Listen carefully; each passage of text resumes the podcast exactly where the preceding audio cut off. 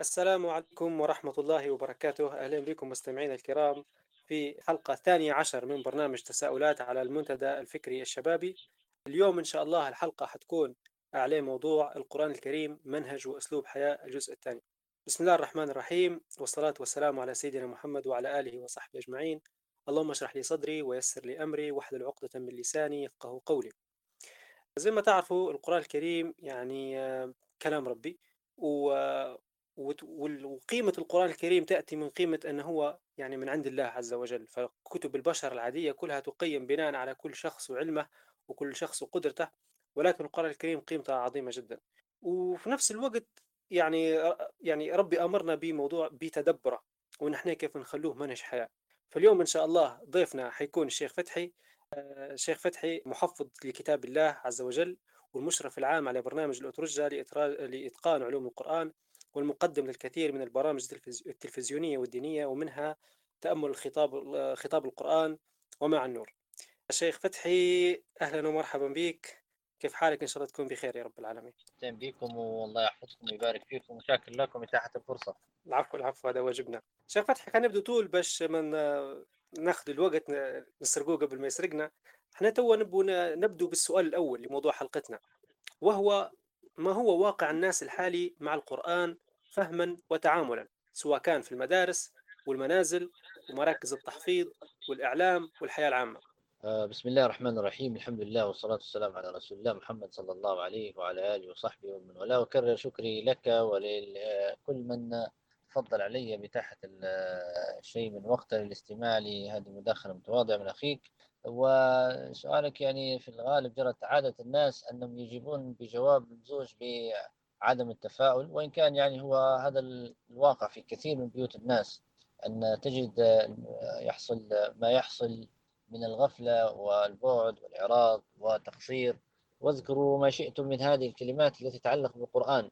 لكن أنا أريد أن أقول شيء أن علاقتنا بالقرآن ليس بالصورة السوداوية التي للأسف يعني أصبحت هي الأصل نسمعها من الخطيب أو من الواعظ أو من الداعي أو من حديث الناس المصلحين أن الناس اليوم هجروا القرآن وأن الناس اليوم كانوا أبعد الناس عن القرآن. وهذا في الحقيقة فيه شيء من الإسراف والغلو والإفراط. والبيوتنا ولله الحمد يتلى فيها كتاب الله سبحانه وتعالى.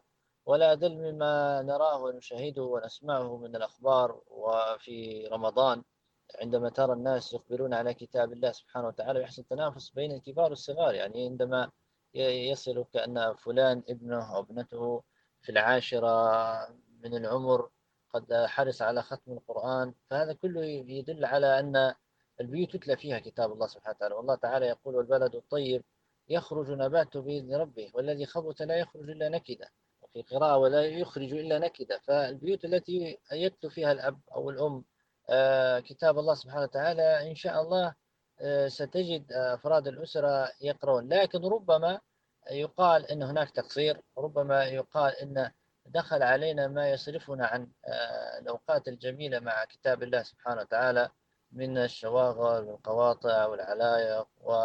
وأذكر ما شئت مما نراه اليوم. يعني الآن عندما كان الأب قريب من ابنه وكان حريص على أن يدفع به إلى مراكز التحفيظ وأن يجعل له وقت مع القرآن في بيته. دخلت علينا الوسائل الحديثة اليوم الهواتف المحمولة وما لا يخفى علينا من الواقع الذي نعيشه اليوم. فأصبح يسرق الوقت الأب لن يستطيع أن يقف على ابنه في كل حركة وفي كل أحواله. فأصبحت هذه إن صحت العبارة هذه السارقة تسرق أوقات أبنائنا بل تسرق أوقات الآباء والأمهات.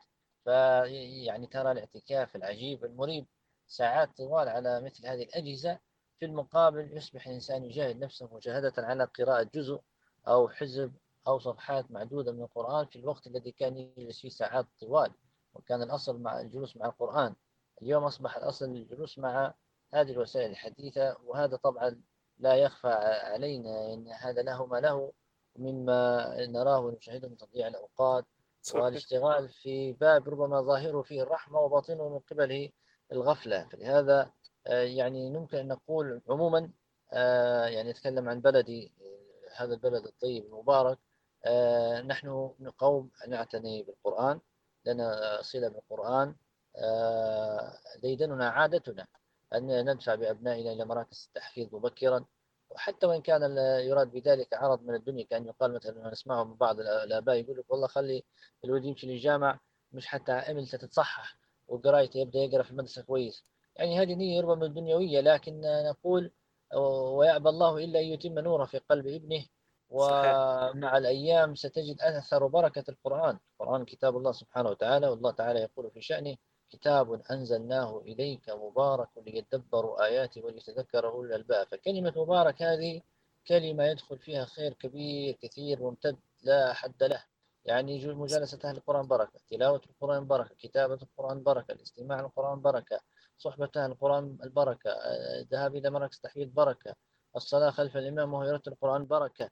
فكل شيء له صلة بالقرآن تجد البركة تحف أهله وأصحابه. شيخ فتحي عندي عندي نقطة هنا بخصوص البركة. اللي هي بعض الناس خذوا مفهوم البركة هذا مش بمفهوم إنه يعني شوف يتدبروا آياته يعني كتاب مبارك ليتدبروا آياته. في بعض الناس يديروا زي المصاحف الصغيرات عرفتهم كيف؟ بيعلقوا فيهم في السيارات بيعلقوا فيهم في الحوش. ومدايرة نوع من التميمة أكثر من كونه يعني كتاب يتلى اللي يتم تدبره متاعه وتلاوته. كيف بنعرف كيف وصلنا للنقطة هذه إحنا؟ أو بعض لبعض الناس مش نعمم والله هي مسألة تعليق المصاحف والآيات القرآنية مسألة يعني من جانب فقهي فيها خلاف بين العلماء وفي من يرى بجوازها وما فيها من بركة وحضور القرآن في يعني يقولون أن هذه من التميز من الجائزة. ومنهم من يعرض عنها ويحذر منها ويقول أن هذه فيها نوع من الامتهان القرآن والقرآن لم يؤتى به ليعلق على الجدران ولا في السيارات ولا لكن إحنا ربما هذا مبحث آخر. المبحث الذي ينبغي النقف عنده طويلا هو هل هذا هو المقصد من إنزال القرآن؟ وأن يصبح مثلا آه، يعني هدف القارئ أو الحافظ لكتاب الله أو الداعم له هو أن يقال والله الشركة الفلانية دعمت المسابقة الفلانية والله ابن فلان حفظ القرآن وتحصل على الترتيب الأول في مسابقة كذا أو يقال والله القارئ الفلاني آه، صوته جميل أما القارئ هل هذا هو المقصد الحقيقة أم هذه أشياء يعني أحسن ما يقال فيها أنها مباحة وجائزة. المقصد الحقيقي من كتاب الله عز وجل أو من إنزال القرآن هو العمل به والتدبر معانيه وأن يجعل الإنسان منهج يعني أذكر في هذا المقام القصة المشهورة قصة ابن مسعود آه، عندما جاءه رجل قال مفتخرا فريحا مسرورا سعيدا يا أبا عبد الرحمن قرأت البارحة المفصل في ركعة. جاء مفتخر يقول له أنا قرأت أمس في الليل في قيام الليل صلاة نافلة آه، في ركعات أو في ركعة. من سورة قاف إلى الناس المفصل أو من الحجرات إلى الناس. لو قال هذا الرجل هذا القول بين يدي الدعاة أو العلماء اليوم أو عامة الناس لا أثنوا عليه ثناء كبير لكن المسعود كان لها رأي آخر. قال له هذا كهذ الشعر هذا كهذ الشعر. علم أن هذا الحجم من القراءة في ركعة فيه دلالة على أن صاحبه لم يعتني بالتدبر. كان ذلك كله على حساب التأمل والتفكر والتدبر ثم قال ابن مسعود وهذا الشاهد من قوله قال اقرأوا القرآن وحدثوا به النفوس وحركوا به القلوب ولا تقرأوه ولا تهزوه هذا الشعر ولا تنتروه نتر الدقل العرب قديما كان أحدهم إذا كتب قصيدة وحفظها. كان كلما كانت كان حفظه لها أقوى كان ذلك أعلى من الجودة كما يقال اليوم. بل كان بعضهم يقرأ القصيدة بالعكس إحنا نقوله. يبدأ من آخرها ويصعد إلى أولها من شدة وقوة حفظه له. فيقول ابن مسعود تتعاملون مع القرآن كما يتعامل الشعراء مع شعر القرآن؟ أرقى وأعلى وأغلى وأسنى و يعني أولى ما يملأ يملأ به الإنسان دقائق العمر وأولى ما يحرص على فهمه. يعني يفهم الإنسان كتب الطب والهندسة وغيره ولا يفهم كلام الله سبحانه وتعالى. هذا يعاب عليه. ثم أيضا كما قال هو حدث به النفوس وحرك به القلوب نحن الآن ربما يعني نرى ونشاهد أن الحديث عن حركة القلب عند قراءة القرآن حديث يكاد يكون آه، بعيد وغير مذكور ومن ذكره فيذكره على استحياء. مع أن هذا هو الأصل أن القرآن لو أنزلناه على جبل رأيناه خاشع. ها هو الآن يقرأ علينا وينزل على قلوبنا ولا نرى ما يقال في القرآن يعني عندما يقول الله سبحانه وتعالى في القرآن الله نزل أحسن الحديث كتابا متشابها مثاني تقشعر منه جلود الذين يخشون ربهم ثم تلين جلودهم وقلوبهم إلى ذكر الله. وين هذا اللين؟ وأين تلك القشعريرة؟ ونفس القرآن واحد هل الخلل في القرآن أم الخلل في القلوب؟ لا شك ولا ريب أننا بحاجة أن نعيد النظر في تعاملنا مع القرآن في المنهجية التي نسير عليها في آه، الران. يعني دائما أقول أن القلب هو هو لكن يحتاج إلى طهارة يحتاج إلى تهذيب إلى تنقية إلى تصفية حتى يتلقى القرآن ويتشرب القرآن ويجد لذة عند قراءة القرآن. وأخطر من هذا كله يا أخي الكريم حديث أكبر الإخوة معنا جميعا أن الأمر ليس يقف عند أن الإنسان ضيع خير بل سيقع في شر. نسأل الله العافية لأن الله تعالى يقول أفلا يتدبرون القرآن أم على قلوب أقفالهم ما في خيار ثالث حتى يقف عند الإنسان فيقول أن القرآن لا لي لا علي القرآن حجة لك أو عليك. أفلا يتدبرون القرآن؟ فإن لم يتدبر الإنسان ويكن من المتدبرين فليعلم أن القلب عليه أقفال وهذا من أعظم وأشد أنواع العقوبة. الشيخ فتحي الشيخ فتحي بينك وبين كلام الله سبحانه وتعالى. سامحني قطعتك لكن مش عارف صار نعم. شيخ فتحي نبي تو نسألك تو أنت ذكرت الآية أفلا يتدبرون القرآن أم على قلوب أقفالها؟ وفي الآية الثانية الثانية أفلا يتدبرون القرآن؟ ولو كان من عند غير الله لوجدوا فيه اختلافا كثيرا. والآية الأخرى وقال الرسول يا ربي إن قومي اتخذوا هذا القرآن مهجورا. من بكري كاي وأنا نعدك في الآيات هذه. قلت سبحان الله خلينا ترى نشوف الآية اللي قبلها والآية اللي بعدها من كل آية هذه. لاحظت؟ والله أعلم يعني لاحظت أنا الآية اللي قبلها والآية اللي بعدها تلقى يتكلم عليه الأعداء. يا إما الشياطين يا إما المنافقين يا إما المجرمين. يعني شنو ممكن الرسالة ممكن توصلنا من الموضوع هذا؟ هل لك أن لو لو ما صارش يعني هو سبحان الله جت الآية الآيات هذه بين صفات لي يعني للشياطين والمنافقين والمجرمين وجاية في النص. هل هو إحنا؟ لكن أنت فهمت فهم شخصي والله أعلم. أنا بعدين حنسألك عن موضوع كيف المنهجيات للتفسير والتدبر والحاجات هذه. هل هذه وصلنا رسالة إن إحنا لو فعلا ما تدبرناش القرآن حنطيحوا في أحد الخانات هذه لوصف المجرمين وال... هو التفسير التفسير له أحوال يعني منها تفسير غريب للقرآن يعني تفسير الكلمة ذاتها ثم م. تفسير الآية ثم تفسير لو صلة بالموضوع عموما في أشياء يعني تذكر في مسألة السياق فأحيانا يكون الكلمة واحدة ففي موطن معين آه، يكون لها دلالة معينة بسبب السياق سياق الآيات. فيكون مثلا على سبيل المثال آه، في أوائل سورة البقرة تجد الحديث عن المنافقين ومن الناس من يقول آمنا بالله وباليوم الآخر إلى آخر ما قال الله عز وجل فقال في قلوب مرض. فالمرض ها هنا فسر بالنفاق بينما تجد في مثلا على سبيل المثال في سورة الأحزاب الله تعالى ذكر شأن أزواج النبي صلى الله عليه وسلم. قال وقرن في بيوتكن ولا تبرجن تبرج الجاهلية الأولى وأقيمنا الصلاة وأتينا الزكاة وأطيعنا الله ورسوله. ثم قال واذكرن ما يتلى في بيوتكن إلى أن قال فيطمع الذي في قلبه مرض. فقيل المرض ها هنا المراد به الشهوة معنا نفس الكلمة لكن لا السياق دل على أن لها معنى غير المعنى المراد في سورة البقرة. فالشاهد من هذا كله أن ال ال ال ال مثلا يعني أنت الآن عندما نتحدث عن القرآن عن تدبره يعني يحزن الإنسان عندما يسمع أو يستمع لما قيل فيه ممن وصله القرآن أول مرة كيف تأثر به. ونحن الآن نقول مفتخرين اليوم ختمنا رمضان العام هذا في المسجد كذا. والله إحنا الآن عندنا ختمة أسبوعية شهرية ثم لا نراه واقعا ولا نرى فيه ما قلنا مما علم من فضائل وبركة القرآن. عندما تستمع الجن للقرآن تقول ما قال الله عز وجل في وصفه قل أوحي لي أنه استمع نفر من الجن فقالوا إنا سمعنا قرآنا عجبا يعني هذا الكلام الذي ذكره الجن ليس عبثا. الجن إمكانياتهم وقدراتهم. إن أردنا أن نقارن ما عند الجن والإنس نجد أنهم متقدمون بمسافات وأميال.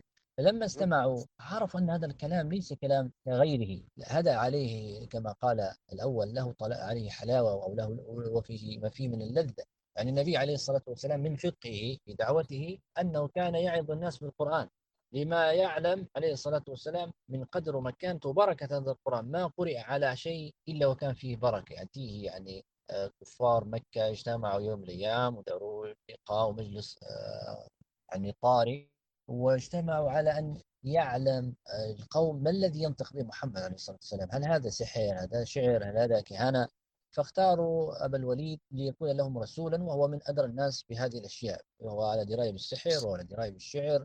فلما جلس بين يدي النبي عليه الصلاة والسلام يعني كان أنت تعلم العرب كان عندها عندها ذكاء وعندها فطنة فأراد أن يستخدم طريقة ليستخرج من فم النبي عليه الصلاة والسلام هذه الكلمات التي هي القرآن. فقال له محمد أنت خير أم عبد الله؟ يقصد والده. ثم سكت النبي صلى الله عليه وسلم. فقال يا, يا محمد أنت خير أم عبد المطلب؟ إن كنت تزعم أن أن هؤلاء أنك أن هؤلاء خير منك فقد عبت الآلهة التي عبدوا. وإن كنت تزعم أنك خير منهم فاقرأ حتى أستمع إليك. وكان قد عرض على النبي عليه الصلاة والسلام عروض دنيوية. قال إن كنت تريد نساء زوجناك عشرا إن كنت تريد مالا جعلناك من أغنياء مكة إلى آخره. فلما انتهى من هذا العرض المغري بين قوسين نظر إليه النبي صلى الله عليه وسلم وقال فرغت؟ انتهيت؟ فقال نعم. فما كان منه عليه الصلاة والسلام إلا أن قال بسم الله الرحمن الرحيم. آمين. تنزيل من الرحمن الرحيم. وانطلق عليه الصلاة والسلام يقرأ عليه أوائل سورة فصلت. لم يزد إلا على القراءة عليه الصلاة والسلام. حتى وصل يعني بمعدل المصحف اليوم يعني صفحة وأربع صفحات أربع أسطر تقريبا أو ثلاث أسطر. حتى بلغ قول الله عز وجل فإن أعرضوا فقل أنذرتكم صاعقة مثل صاعقة عاد وثمود. وثب أبو الوليد على النبي صلى الله عليه وسلم وضع يده على فم النبي عليه الصلاة والسلام وقال أنا شدتك الرحم. حسبك خلاص خلاص وعاد يعني وهو وكأن يعني آه، لسان حالة ما الذي يتكلم به محمد صلى الله عليه وسلم؟ هذا ما هو شعر ولا هو سحر ولا هو.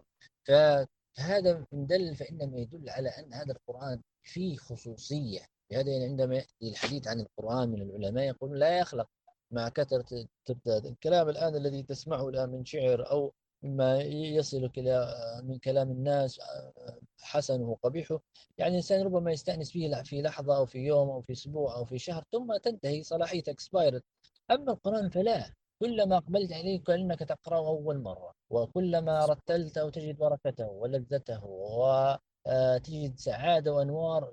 يعني الآن لا أستطيع أن أصدق لولا ثبوت الخبر. حال ذلك الصحابي الذي وصل به الحال يعني إلى درجات عالية جدا. يعني صلى الله عليه وسلم بلغنا إياها وهي أن الصحابي الجليل في قصة جابر رضي الله عنه عندما غزا النبي عليه الصلاة والسلام في الغزوات فلما خرج عليه الصلاة والسلام من تلك القرية ومعه أصحابه وكان قد أصاب رجل من المسلمين امرأة من المشركين فكان زوج هذه المرأة غائبا فلما عاد ورأى ما حصل أقسم ألا يبيت حتى يريق دم من أصحاب الرسول صلى الله عليه وسلم يريد أن ينتقم لزوجه. فلما خرج يتتبع أثر النبي صلى الله عليه وسلم كان عليه الصلاة والسلام قد اختار المبيت ما بين جبلين ودفع برجلين للحراسة التوك عليهم. فكان رجل من الأنصار وآخر من المهاجرين. فنظر الأنصاري إلى المهاجرين وقال له أي الليل أحب إليك أن أكفيك أوله أم آخره؟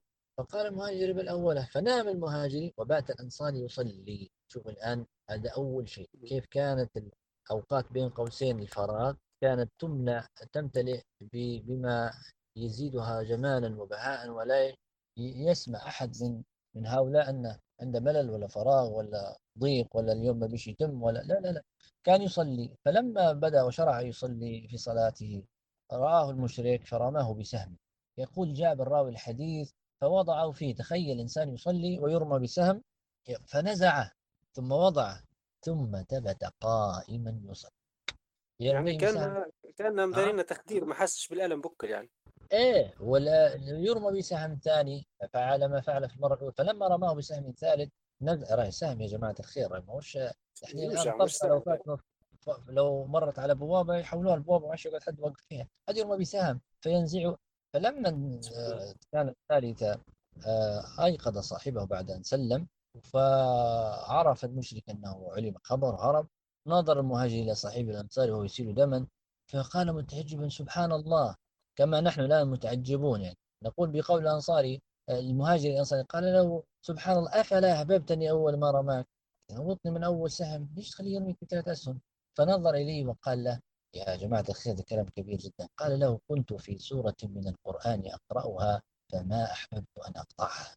الله الله. يا الله الله. لقطع نفسي أحب إلي من أن أقطع سورة كنت قد بدأتها. الكلام يقول ليش واحد يقرأ في قرايتنا إحنا؟ ها؟ هذا كلام صح. واحد يعني يصدق عليه اسطوانة بتاع بتاع شركة ليبيان هذه بتاع الاتصالات كل الرقم الذي طلبته خارج التغطية لا يمكن الوصول إليه هذا خارج التغطية بما تعنيه الكلمة يعني أنت الآن بعض الناس عندما تريد أن تقرر هذا المعنى يقول لك يا شيخ بارك الله فيك يرحم والديك كلامك صحيح لك مالكش من الدواء هذه لما؟ لأن يقول لك معقول يرمى بتاعهم تقول له تعال أنت الآن انظر أمام المصارف ليه ثلاثة شهور ما ما حصلش راتبة فلما يتاح له الفرصة وتجد شيباني عمره 60 سنة واقف من الساعة 5 الفجر ويحصل مرتب الساعة 12 تقول لي حاجة عليك ست ساعات واقف هنا أنت. والله ما شعرت بهم يا ولدي ولا حسيت بهم لما لما لم يشعر بها؟ لأن كان هدفه واضح وحديث النفس تلك اللحظة وهمها الأكبر وشغله الأكثر أن يصل إلى قفص المرتبات هذا وال...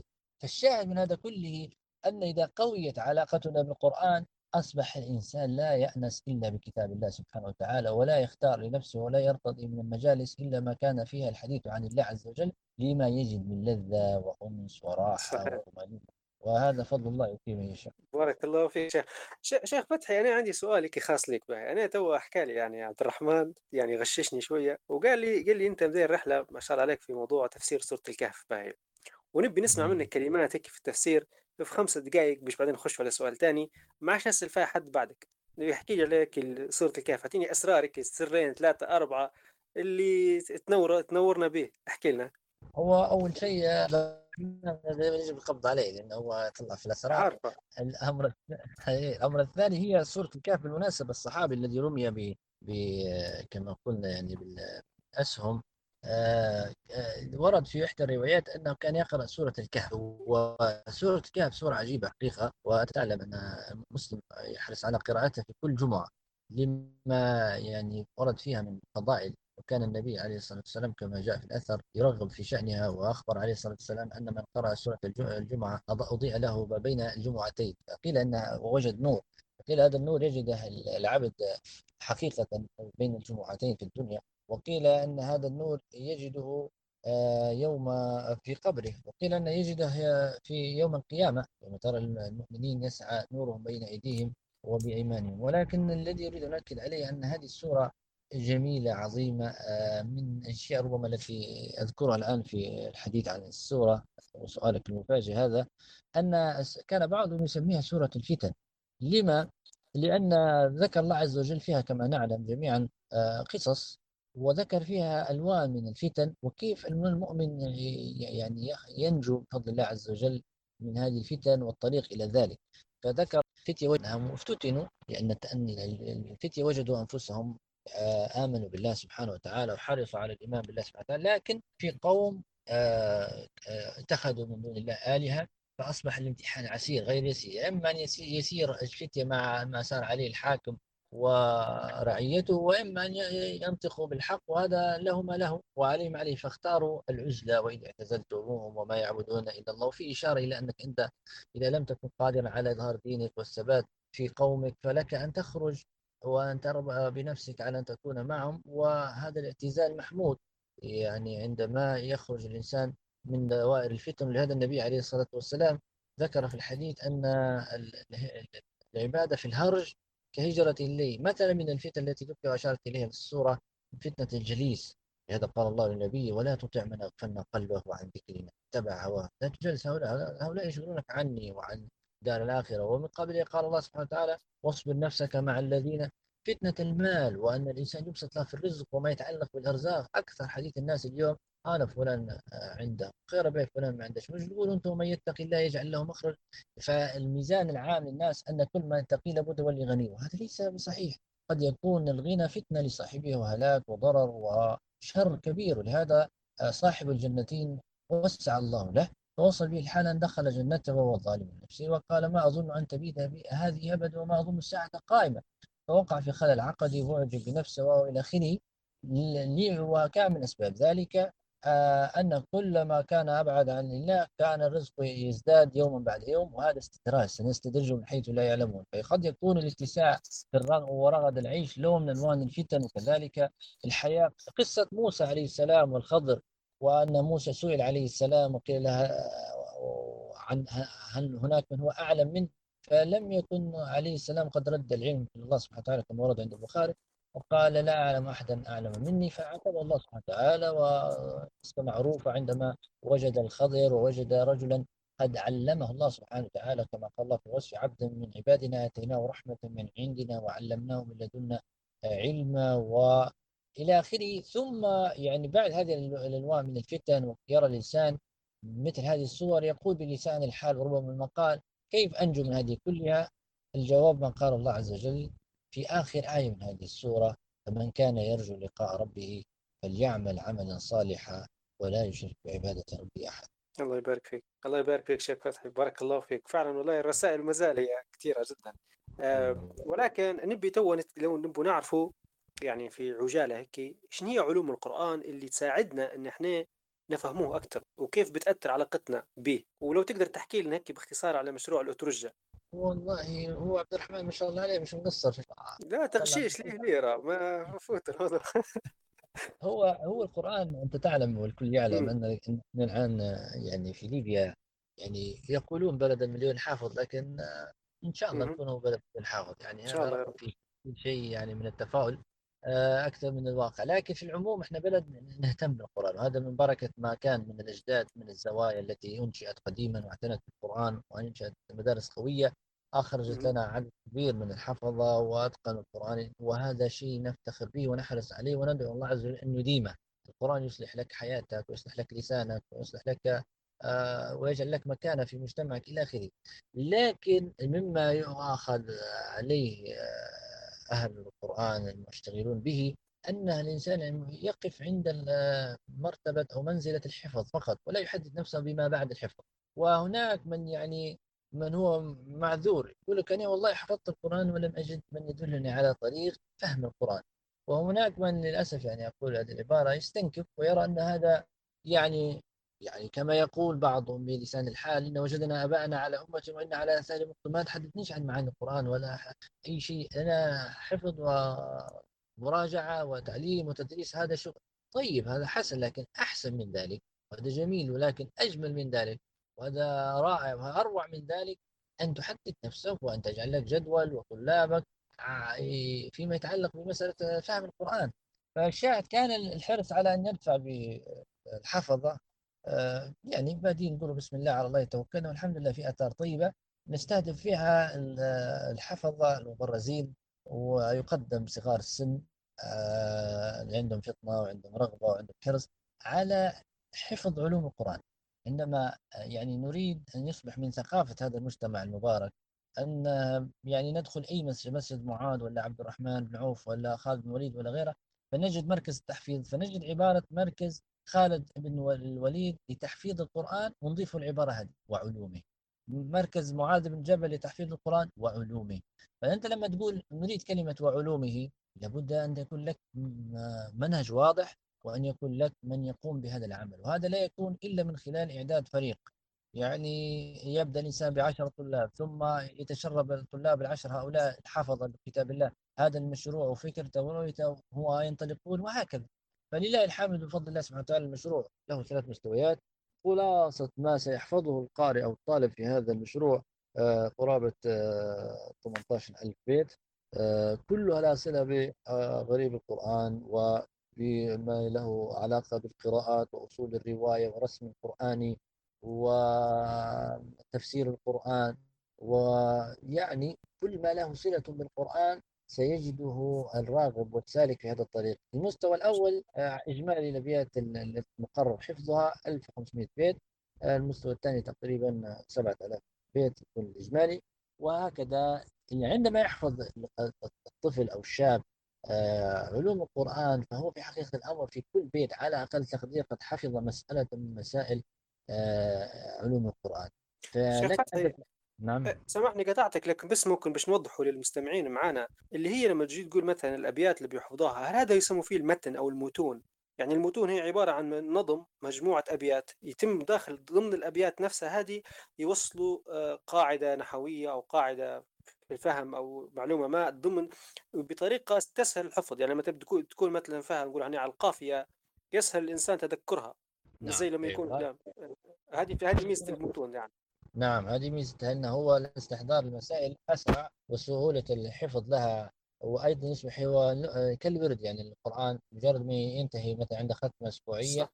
القرآن يصبح مع مراجعة العلوم التي تعين على على حفظ على استحضار المعلومة فعندنا ممكن مثال شيخ فتحي سامحني ممكن مثال تعطينا نسمعها حاجة كمثال من المتون هذه لو تتذكر طبعا. آه مثلا نسأل الآن الأستاذ عبد الرحمن يقول لي حدثني عن أخلاق حامل القرآن. وسؤال مفاجئ مثلا ما ليش ما في في ترتيب ولا تحضير؟ مباشرة أني أذهب إلى نظم حفظته في أخلاق حامل القرآن. فهذا النظم فيه آه، تقريبا 40 بيت ذكر فيها صفات حامل القرآن. كلما استحضرت بيت من هذه الأبيات استحضرت صفة من صفاته فمثلا على سبيل المثال نقول مثلا إن قارئ القرآن قلبه سليم لا تجد فيه غلا ولا حسدا ولا آه، بغضا للمسلمين قلبه طاهر نقي آه، عرف بلسان ذاكر لله سبحانه وتعالى باجتهاد في التدبر وفي حرص على أن يلبس المتقين. والأمر كما قال القائل والقلب سليم من مرض يحوي القرآن يمجده يتلو ما يتلو من ذكر يتدبره ويردده بلباس التقوى زينته من لبس السوء تجرده ويحكم ميزان. وأبدأ يعني أستحضر هذه الأمر. أيضا كذلك آه، فيما يتعلق بأصول الرواية أو فيما يتعلق بالقراءات أو ما أشبه ذلك فكلما كانت المنظومات حاضرة في قلب هذا الحافظ كان الاستدلال بها في موضعها. يعني مثلا الآن أنا معلم ومل على الطالب والطالب يقول يا شيخ أعطيني المله نقول له إنا جعلنا في أعناقهم اغلالا فهي إلى الأذقان فهم مقمحون. فيقول الطالب أو أحد الطلاب يقول يا شيخ شو معنى مقمحون؟ فمباشره أتجه إلى النظم وإلى منظومة في تفسير كتاب الله. آه، فأقول ومقمحون رافعون الرؤوس مغمض أبصارهم عبوسة. فاستحضار المعلومة سريع. لكن لو اكتفيت بما قرأت من التفاسير ربما يكون الجواب فيه من القصور ما فيه. فمما اتفق عليه أهل التخصص أن الحفظ هو أعظم معين بعد الله عز وجل في استحضار العلم وفي ديمومته. يعني واحفظ من العلم شيئا تستدل به فإنما الحفظ علم فإنما العلم حفظ تفهم الطلب. وبشرك ولله الحمد.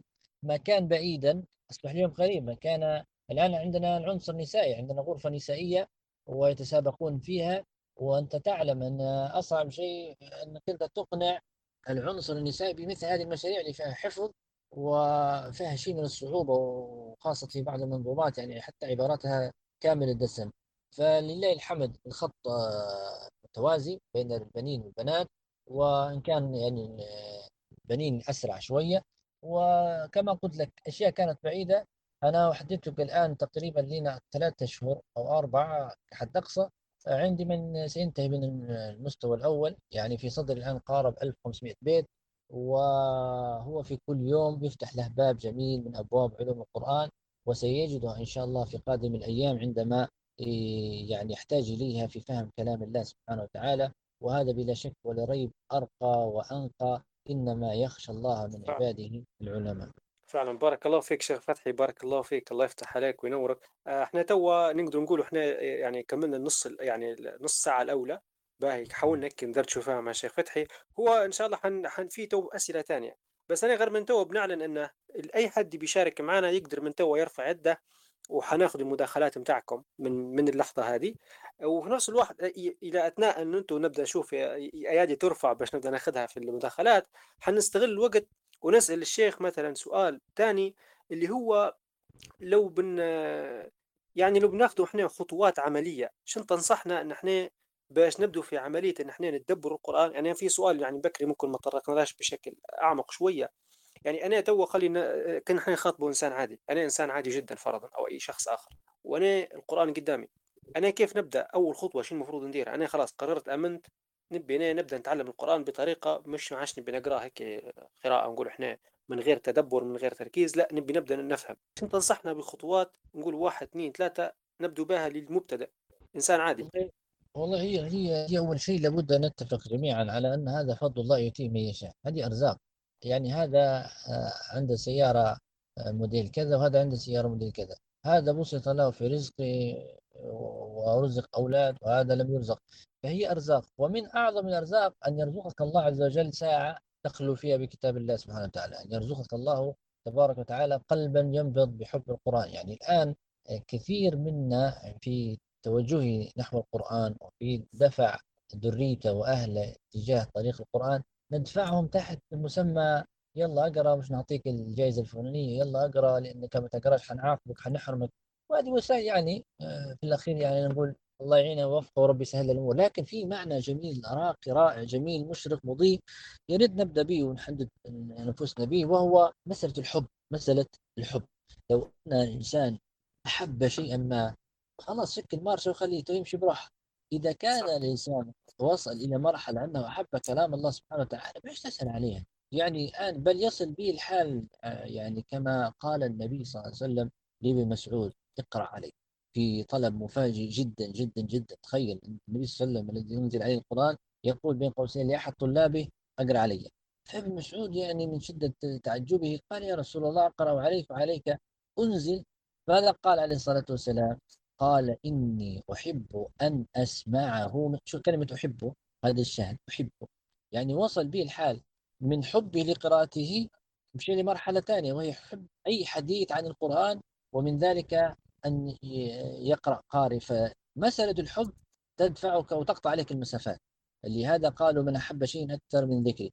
فإذا تشرب الإنسان حب القرآن ونحن نعلم في الدعاء المأثور اللهم ارزقني حبك وحب عمل يقربني آه، من حبك فليس ثمة عمل أسرع ولا آه، أيسر من كلام الله سبحانه وتعالى. ترتيل أناء الليل وطرف اقرأ سيرة النبي صلى الله عليه وسلم سترى عجبا في تعلق قلب النبي صلى الله عليه وسلم بالقرآن.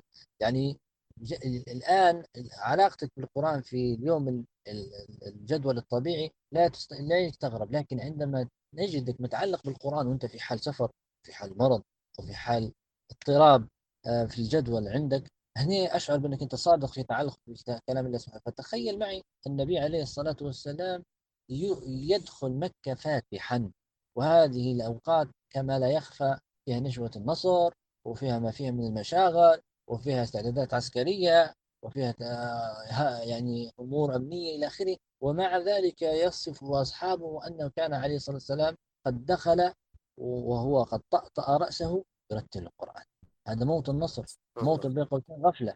لكنه عليه الصلاة والسلام بشدة تعلقه بكلام الله عز وجل كان يقدمه على كل شيء. فهذه من أعظم ال يعني من أعظم الأشياء المعينة بعد عون الله سبحانه وتعالى هو أن تصل إلى حال أن تحب القرآن. فإذا أحببت القرآن أحببت أهله أحببت مجالسه أحببت علومه أحببت الاستماع إليه أحببت تعلمه أحببت تعليمه وأصبحت حياتك كلها لله وصرت من خير خلق الله. لأن النبي عليه الصلاة والسلام قال خيركم من تعلم القرآن وعلمه. فلا أزيد على هذا وإلا فالوسائل التي يذكرها الناس اليوم طيبة وجميلة وحسنة ومضيئة. ومنها ذلك الدعاء أو صحبة أهل القرآن أو مثلا الاستمرارية على في استهداف مراكز التحفيظ والسير إليها وإلى آخره. هذا كله أمر جميل لكن كما قلت مسألة الحب قل من ينبه عليه. وإذا أحب الإنسان القرآن قصرت عليه المسافات وأصبح يقول بقول القائل وهذا محب قاده الشوق والهوى بغير زمام قائد وعنان أتاك على بعد المزار ولو ونت مطيته جاءت به القدر بارك الله فيك شيخ فتحي بارك الله فيك. إن شاء الله يجعلنا يا ربي من المحبين وال يعني والذاكرين ليه يعني وخاصة بموضوع القرآن كان إن شاء الله ربي يرزقنا الحب هذا الصادق يا رب العالمين. ريتاج تفضل. ريتاج الكلمة معك. السلام عليكم. وعليكم السلام. آه عندي عندي سؤال بس للشيخ. كيف نعالج الانتكاس اللي يصير في نص لما واحد مثلا بيحفظ القرآن؟ مثلا حفظ 30 صورة. بعد هيك صار له يعني هو نوع من الانتكاس أو الملل. يعني كيف يسترجع القوة متاعه عشان يرجع زي قبل يكمل ختم القرآن. شيخ تفضل. هو قضية الانتكاس قد تكون عبارة فيها نوع من ال... يعني لابد نفرق يعني الفتور غير الانتكاس. الانتكاس عياذا بالله عن الإنسان يترك الأمر. على شيخ الصوت راح شوية يبدو أن في في إشكالية تقنية مع الشيخ فتحي. لو أي حد عنده سؤال يقدر يرفع يده وناخذ مشاركة إن شاء الله. يبدو أن في إشكالية صارت مع الشيخ. يلا نحاول نحاول نجاوب يعني اجتهاد من هنا حاليا إلى حين يجي الشيخ. بخصوص الانتكاس. حاب نحاول نجاوبها طبعا من منظور آه، تربوي شوية من باب إن هذا اهتمامي وكل شيء. آه، عادة هي شنو يصير؟ يصير إن شخص يجي في البداية وحاط يعني يعني شو بنقوله؟ زي نعطيك مثال ثاني باش تفهمها تخيلي مثلا واحد شاف لعيب رياضي جمباز أو كذا فهو كان عنده الرغبة بيولي مرن زي لاعب الجمباز فيبدأ يدير في حركات يعني آه، تمرينات رياضية بشكل قاسي على نفسه لدرجة إنه مرات يصير؟ زي ما نقول إحنا يتشكل له عرق أو يصير له تش... يعني تشنج عضلي وكل شيء. فمن بعدها يحس بالألم الألم موجع جدا لدرجة إنه يمنعه إنه يعاود يدير نفس الشيء نفسه اللي هو عملية التدريب والتمرين للموضوع هذا. نفس القصة يصير مع بعض الحفاظ القرآن يبدأ في البداية أنه هو عنده الرغبة أنه يوميا بيحاول مثلا يقرأ جزء كامل من القرآن الكريم. يبدأ ممكن اليوم الأول بحماس يقرأه اليوم الثاني ثالث الرابع خامس يحس بفشل ومعاش يقدر يستمر على نفس الرتم هذا. فنصيحتي إنه هنا يبدأ الموضوع بالتدريج. يعني لو فرض الإنسان خلى عنده عادة مثلا يوميا صفحة من القرآن صفحة أو صفحتين فقط يقول أنا بنقرأهم قبل الليل. يعني أو أو لو موضوع حفظ مثلا يقول أنا بنحفظ ثلاثة أربع آيات أو نص صفحة يبدأ يقلل المهمة إلى أقل جزء ممكن يقدر عليه. علاش؟ باش يخلق عملية الاستمرار والديمومة. لو تولدت الاستمرار والديمومة يبدأ مع الوقت شو يصير؟ يصير يقدر مع الوقت يزيد يزيد يزيد الجرعة إلى أن تبدأ عنده يبدأ يعني تتناسب الصعوبة مع مع القدرة متاعك. هذا الموضوع نشوفه فيه في الألعاب. كيف يخلوا الناس مدمنة على الألعاب؟ أن يديروا في الصعوبة متاع المهمات مع القدرة متاع الشخص نفسه. فنفس القصة نقدر نطبقها مع حفظ القرآن ومع تلاوة القرآن. إن شاء الله ريتاج قدرت نجاوبك على السؤال هذا. آه، أم همام تفضلي معنا. العفو بارك الله فيك. أم همام تفضلي. آه، أم همام المايك راهو mute ما نسمعوش فيك. مش عارف يبدو إنه في إشكالية. آه، ريتاج عندك سؤال ثاني إيه عندي سؤال ثاني تفضلي. حفظ حفظ القرآن الكريم هل ليه عمر معين؟ يعني مثلا يعني مثلا في العشرينات أو في الثلاثينات أو هيك. صراحة حسب علمي يعني... المطور إيه. أوكي كملي سؤالك ترى. خصوصا يعني في مرحلة خصوصا يعني في مرحلة الشباب هذه إحنا اللي قاعدين عايشينها فهمت؟ نبدأ نخلو في القرآن الكريم هو ليه الأولوية بالرغم إنه في يعني آه، دراسة وخدمة وهيك. فالإنسان يعني كيف يقسم وقته؟ آه okay. سؤال جميل جدا. من آه، طبعا لو أي حد يبي يحاول يجاوب الأسئلة هذه كلها ويشارك معنا ما عنديش مشكلة. لكن تو ما دامني أنا قاعد في الحلقة حنحاول نجاوبك. أه حسب ما فهمت منك إنك تبي تقولي يعني كيف نخلي الموضوع هذا يعني يعني أولوية عندك؟ هذا تقصدي صح ولا؟ كيف إنه نخليه صح مركز. okay. يعني طبعا الأولوية هذه وين بتزيد؟ كيف. يعني كيف تخلق الأولوية هذه إلى ما تعرف قيمة الشيء؟ لو الشيء ما كانش ذات أهمية في قلبك مش حتعطيه هذيك الأولوية. يعني على يعني علاش مثلا نوض الصبح نمشي المدرسة؟ أو علاش نمشي نديروا في أعمال معينة ونوضوا لها بكري ونستعدوا لو كان عندك موعد معين نوضي قبلها بساعات؟ لأنك أنت عارفة أهمية الشيء اللي تبي تديريه. إحنا كيف نوصل نوصل لنقطة إن إحنا نعرف القرآن مهم جدا ولدرجة انه ضروري نحطوه يعني ضمن جدولنا اليومي. يعني ضروري يكون عندنا جدول يومي له هذا تبدي زي ما نقول إحنا قبل ما تعرف الشيء نفسه أعرف مني صاحب الشيء. يعني أنا مثلا زي ما قلت في البداية بدايتها لو جبنا كتاب معين أو جبت لك شيء لو كان صاحب الشيء هذا عظيم في قلبك ومهم جدا ليك أنت حتهتمي بذاك الشيء. فهي علاقة نقدر نقول نعم فتبدأ أنا نشوف في وجهة نظري المتواضعة إن إحنا ضروري نحاول نتعرف على ربي. كيف؟ عن طريق يعني دراسة أسماء الله وصفاته الحسنى ونحاول نتأمله أكثر كل ما نعرف كل ما نتقربوا لربي أكثر في عملية أن نعرفوه مش فقط أن إحنا تأمل لا كعم تقرأ عليه بتفهم. وقتها نوعا ما يعظم أمر الله في قلبك حيعظم أمر القرآن في قلبك تحصيل حاصل. فهنا حيبدأ الموضوع أن لا أنا ضروري أدخلها يعني آه، جدول يومي ليه. ومع الإجابة الأولى هي موضوع أن ندخلوه يعني جزء أجزاء بسيطة في البداية. هذا حيساعدنا إن شاء الله. إن شاء الله نكون جاوبتك على السؤال هذا. نسمع سارة لعلها ممكن جاوبك عندها استفسار. تفضلي سارة. السلام عليكم. وعليكم السلام ورحمة الله. بارك الله في الشيخ على الطرح القيم. حقا كان عندي استفسار. بس إن شاء الله خير يعني إن شاء الله آه بالنسبة لإجاباتك اللي جاوبتها عبد الرحمن عندي بس إضافة بسيطة لحل يعني تو حاليا فكرتها. أنا مرة قريت للدكتور إبراهيم السكران في كتابه الطريق إلى القرآن. قال بأن من أهم الأشياء وأكثرها أولوية هي الاستعانة المستمرة بالله قبل قراءة القرآن والتدبر فيه وأيضا الاهتمام بالذكر والاستغفار. وشكر الله على فضله بعد الانتهاء من جلسة التلاوة أو التدبر أو حتى الصلاة. يعني لأنها هي توفيق وهداية مش أي حد يوفق لها وفي نقطة أخرى أكد عليها آه، كذلك على أهمية الإنصات إلى القرآن والأداء الصوتي اللي هو ما يعرف بالتلاوة في ترسيخ علاقتنا بالقرآن وما إلى ذلك لما فيه يعني من تأثير عميق على النفس. وكذلك ذكر نقطة مهمة بأن من أعظم وجوه الانتفاع بالقرآن آه، حقيقة العلم بالله. يعني قال مثلا حاليا كثير من المفكرين المعاصرين اهتمامهم منصب أكثر شيء على التشريعات العملية بينما العلم بالله عندهم يعتبر يعني قضية ثانوية وهذه يتكلم عنها شوية الشيخ يعني مثلا شن فائدة شخص يعرف أدق التفاصيل في مجال من مجالات العلوم زي الطب أو القانون أو غيره ويكون جاهل مثلا بأعظم مطلوب للإنسان اللي هو العلم بالله من خلال القرآن. آه قاعد يشبه فيه مثلا كأنه سائق يسوق على يسوق ويعرف يعني على دراية بالطرق الفرعية ويجهل بالطرق الرئيسية. فهذه بس حبيت نضيفها على إجاباتك وبارك الله فيكم جميعا. بارك الله فيك سارة. شكرا شكرا جزيلا. الله يفتح عليك. أنس تفضل. بكش عندك إضافة. أنس المايك معك. آه عندي تأكيد بس على الموضوع.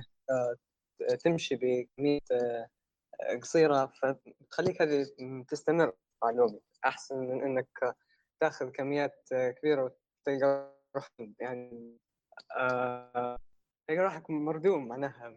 آه فقلت لك إيه آه في مشروع الأترجة حاليا أنا نقصت العدد الأبيات اللي تروحي لو حفظت كميات كبيرة. مع الوقت بديت لا إراديا هيك ندور في أعذار إنه يلا هي المزايا تزيد شوية كذا. فبدأت نقص وصلت لي 10 أبيات بس في الأسبوع. ومشي بهم توا أحسن من من إني ناخذ كمية كبيرة. أنس أنس أنس حصلت عليك أنا تو باهي تعال جاي. أنت ماشي ما تديرش ميوت. تو أنت تكلمت على موضوع الاترجة وتحفظ الأبيات. بالله أعطينا هيك بيتين ثلاثة نبو نبو نفهم أنتم شنو قاعدين تديروا. أعطينا مثال لو تقدر من الحاجات أنت حافظها. بتقوليش درت لك كمين راه؟ شو بقول ثاني هو معنا عبد الرحمن وصلاح الدين هنا هزوز حتى هم معنا. نبي نعرف فهمتهاش عبد الرحمن مداير وضع الاختفاء باهي. نرجوه يقيم يده. بس انت احكي لنا احكي لنا تو اعطينا مثال. بالله لو لو لو تتفكر كان ما تتفكرش تو مش مشكلة مش تو نحرجك ولا حاجة. آه، في البداية آه، فيه منظومة المكي والمدني آه، لابن الحصار تمام. بدايتها يا سائلي عن كتاب الله مجتهدا من عما ترك هاي تقول ندير لكم اختبار أنا. اي تعال صح البيت اسمع أنا افكرها ولا اسمع برا اجيبها نقيها من ورقه باش تجي تقولها لنا. نبغى نسمع إحنا مش تم جايين باش ندير إحنا نبغى نعرفوا يعني هذا ضمن ضمن موضوع الحلقة اللي هو موضوع كيف تدبر وفهم الموضوع. فممكن بعض الناس راهو يعني ما يعرفوش فكرة المتون شنو هي وكيف الفائده منها وكيف تكون أصلا. فمرات هي معلومة جديدة لأن إحنا نتعلموها في الحلقات بس تو خلينا ناخذ أخونا صلاح الدين. تفضل أخوي صلاح. السلام عليكم. وعليكم السلام ورحمة الله. بالنسبة للمشروع زي ما قال الشيخ فتحي إحنا يعني مشايخ قبل حتى الشيخ يعني حكي لي إن مشايخ قبل كانوا شنو نظامهم؟ نظام يحفظ القرآن فقط ويدرس القرآن وخلاص يعني عبارة عن ضبط ورسم ولفظ وخلاص ما كانش فيه اهتمام بعلوم القرآن زي ما قال الشيخ فتحي من تفسير من إنه يتوغل في علم التجويد ويحفظ المتون ويدرس كتب العلماء في التجويد وبعض المسائل الأحكام وغيرها وأيضا يتوغل في القراءات. تلقى يعني يعني شيخنا قبل على قانون كلهم بس. فالمشروع واضح يعني دسم ما شاء الله. مشروع يخرج شخص يعني متعلم القرآن وحافظه ومتعلم هلبة معلومات هلبة علوم هلبة يعني في عندنا إحنا قصائد في عندنا متون على علم التجويد مثلا أكثر من متن واستفدت منهم أنا شخصيا جدا حتى في الأداء في القراءة وغيرها. وفي متون مثلا في التفسير زي ما قال الشيخ فتحي في أكثر من متن في التفسير. هذا غير في المتون 14 متن أنا اللي شرحهم بس وحسب ما سمى لك. الشيخ فتحي هو المشروع كبير جدا يعني. فهمت كيف؟ وفي متون في القراءات وفي متون في أخلاق حامل القرآن غير المتن اللي ذكره لك فيه أخلاق أخرى أخلاق الظاهر وأخلاق الباطن وغيرها مستخلصة من كتاب الإحياء إحياء علوم الدين للغزالي. وفي قواعد في التفسير كيف تدخل التفسير من كتاب للإمام السعدي الشيخ السعدي. ف حقيقة مشروع قيم جدا يخليك تفهم القرآن لأن بصراحة حفظ القرآن بس بدون فهم معاني كلمات القرآن يعني شيء ناقص جدا زي ما قال الإمام الطبري عجبت لمن يقرأ القرآن ولا يفهم معناه إيش تستفيد أنت؟ نعم في أجر، صحيح. نعم في طمأنينة، نعم في سكينة، لكن الأعظم زي ما قال شيخنا فتحي ربي يحفظه إن شاء الله ويطول في عمره، الأعظم والأفضل إنك تكون فاهم كلام ربك، لما تفهم كلام ربك اولا بتزيد قربك منه، بتتحسن آه، علاقتك بربك أفضل بعلاقتك آه، برسول الله صلى الله عليه وسلم اقتدائك به بيزيد وهمتك في العلم بتزيد وعلاقتك بالناس بتزيد وهكذا. وإن شاء الله ربي يوفقنا جميعا. إن شاء الله بارك الله فيك أخوي صلاح. هو عندي عندي يعني يعني كلمات في صدري تتحرك بخصوص فهم القرآن الكريم. أنا مرة سمعت الشيخ أدهم العاسم يتكلم على نقطة بجد يعني كانت زي الناقوس هيك رن في دماغي. قال بمعناه أنه لو تخيلنا حد باهي جاء بعت لي شخص رسالة فيها خريطة أو نقول إحنا يعني نقدر نقول مهندس دار خريطة كاملة وبعتها لناس يعني نقول إحنا المقاولين باش يبنوها. تمام؟ إحنا عندنا مقاولين بنائين جبنا لهم خريطة فيها تفاصيل كيف يتم بناء مبنى كامل شدوا هذيك الخريطة وقعدوا يحفظوا فيها وذاك يقول له شوف من هنا وحفظوها وحفظوها وحفظوها. جاء بعدين صاحب الشأن جاء للناس هذو قال لهم وين المبنى اللي قلت لكم تبنوه؟ قالوا لا والله إحنا كنا نحفظه في الخريطة ونسمعه فيها على بعضنا وخلاص. هذا هو العملية نفسها هي إنك أنت تركز على ظاهر الشيء من غير ما تفهم المقصود منه. للأسف هذا لو إحنا صرنا في حياتنا العادية هذا يعتبر نوع من الاستهزاء بالشخص اللي أمرك بالشيء. فإحنا القرآن رسالة بعثت لنا لو نقعدوا فقط فقط بس إن إحنا نقروه من غير ما نفهموه ونطبقوه وما نبنوش المبنى أو ال- ال- ال- المطلوب منا نعمروه يعتبر كأنه نوع من الاستهزاء. لو إحنا ما نطبقوش في حياتنا يعني ما يت- ما يتم يبداش القرآن هذا تطبيق عملي. وهذا يقودني لل- للسؤال الأول اللي أنا طرحته في البداية. مواقع الناس الحالي مع القرآن تفا يعني تعاملا سواء في المنازل والمدارس ومراكز التحفيظ. شيخ فتحي بارك الله فيه أعطانا صورة إيجابية في البداية على موضوع أنه الحمد لله تو في بدت عودة لموضوع القرآن وتدبره في منازلنا وكل شيء. ولكن أ- أرى يعني نتكلم تو شوية على بعض السلوكيات ويا ريت حد مثلا بيشارك معنا في الموضوع. هذا حاجات نشوفها في المجتمع وهذا اللي بنحاول نركز عليه في لب- الحلقة بتاعنا آه اللي هي موضوع إنه يتم استخدام القرآن فقط في مثلا موضوع العزاء يعني انت تلقى القرآن يفتحوا فيه لما يصير حالة آه، وفاه يفتحوا في القرآن. وخيرا لما يكون حالة فرح ما نفتحوش القرآن. فإحنا نحاول نربطه في صورة نمطية ستيريوتايب على موضوعنا القرآن. هو لا شيء حزين شيء كئيب يرتبط بأمور زي هذه أو لما يكون حد عنده سحر أو مريض أو لا نجيبه ونستخدمه لما نستخدموش في أمور ثانية فيصير نوع من الانتقاء اللي نشوف فيه هذا يغرس في صورة نمطية سلبية هذا يكرس عن طريق الإعلام وأيضا في حياتنا العامة. أم همام تفضلي معنا بلكش عندك مداخلة. أيوة السلام عليكم مرحبا. وعليكم السلام ورحمة الله. آه طبعا أنا حاولت آه البنية اللي قبلي ريتاج أعتقد لما قالت انتكاسة هو إحنا هي فتور هي قصد طبعا انتكاسة يبدأ زي ما تقول 180 درجة يتغير الإبداع الطرف النقيض يعني. فالفتور يصير زي ما أنت تو نوهت تكلمت إحنا باش نحب القرآن ما شفناش نماذج تقربنا مثلا. يعني تو نتعلم أو نحفظ في القرآن نحفظ فيه كأنه أي نعرف الأجر هيك يعني بال يعني الكلام المتداول المتعودين عليه.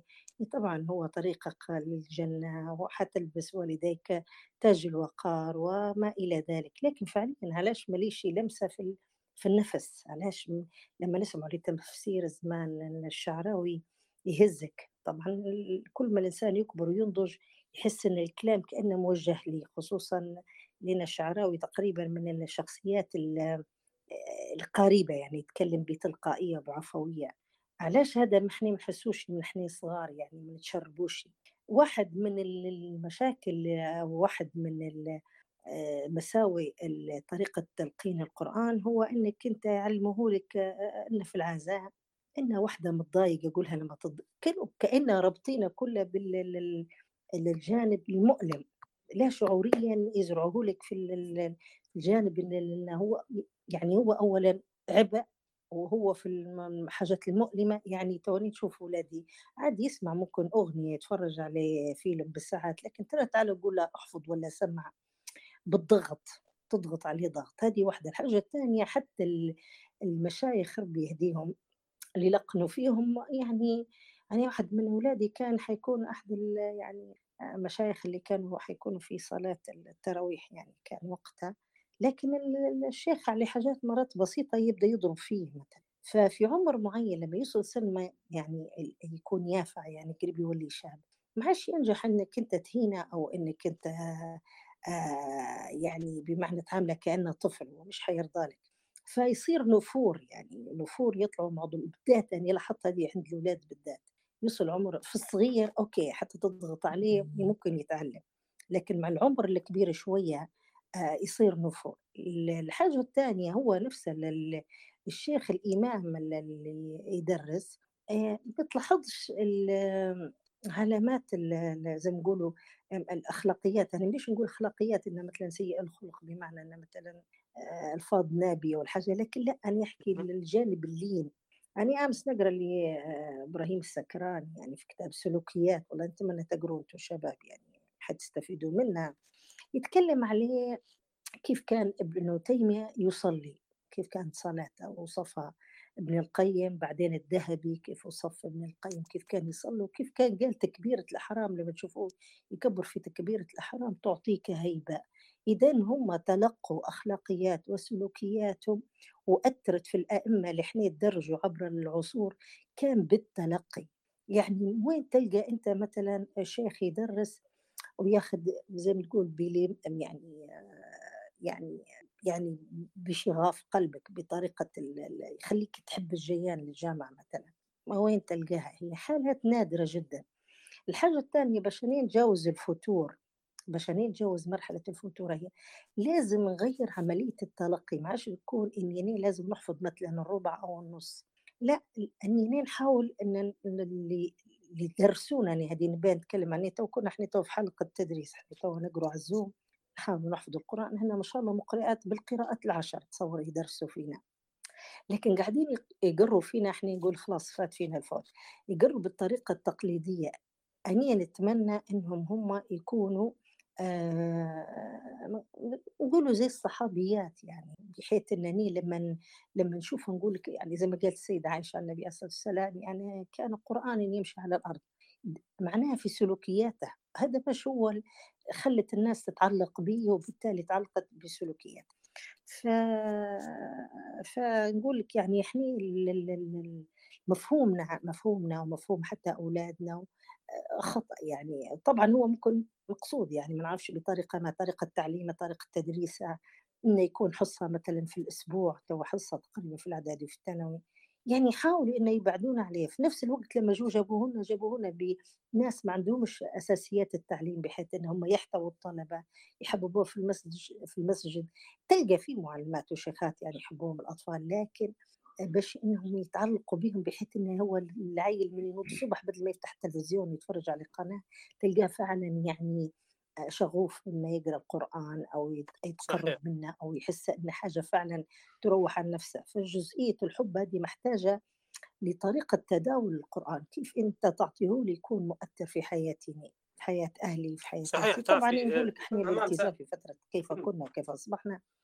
نقلة نوعية يعني يعني تقول لك مثلا أنا نقلة يعني نقول لهم أسلمت. وخشيت الجامعة أني أسلمت فعلا لدرجة كثر الإيمانيات اللي خديناه كنا زمان على المشايخ كيف نقروا. يعني تسمع بالفعل نكلم فيك تسمع في تسبيح الأوراق شيء ما يعني لمس القلب هذيك فترة الصحوة ولا فترة خلينا نقول اليقظة يعني. ف... في المجموع ككل إن المادة هذه أو كقرآن إن يكون يكون حياتنا نحن من سلوكياتنا نقدر نعطوه. ما بيش نقول إن صح يدخلك الجنة مجرد كلام تلقنه لي وأنا لقنا لأولادي وتأثيره وما ربما اللي أنا وصلت له توا ممكن أولادي أنا نبيهم توا ضغط عليهم نبيهم توا يتعلموه.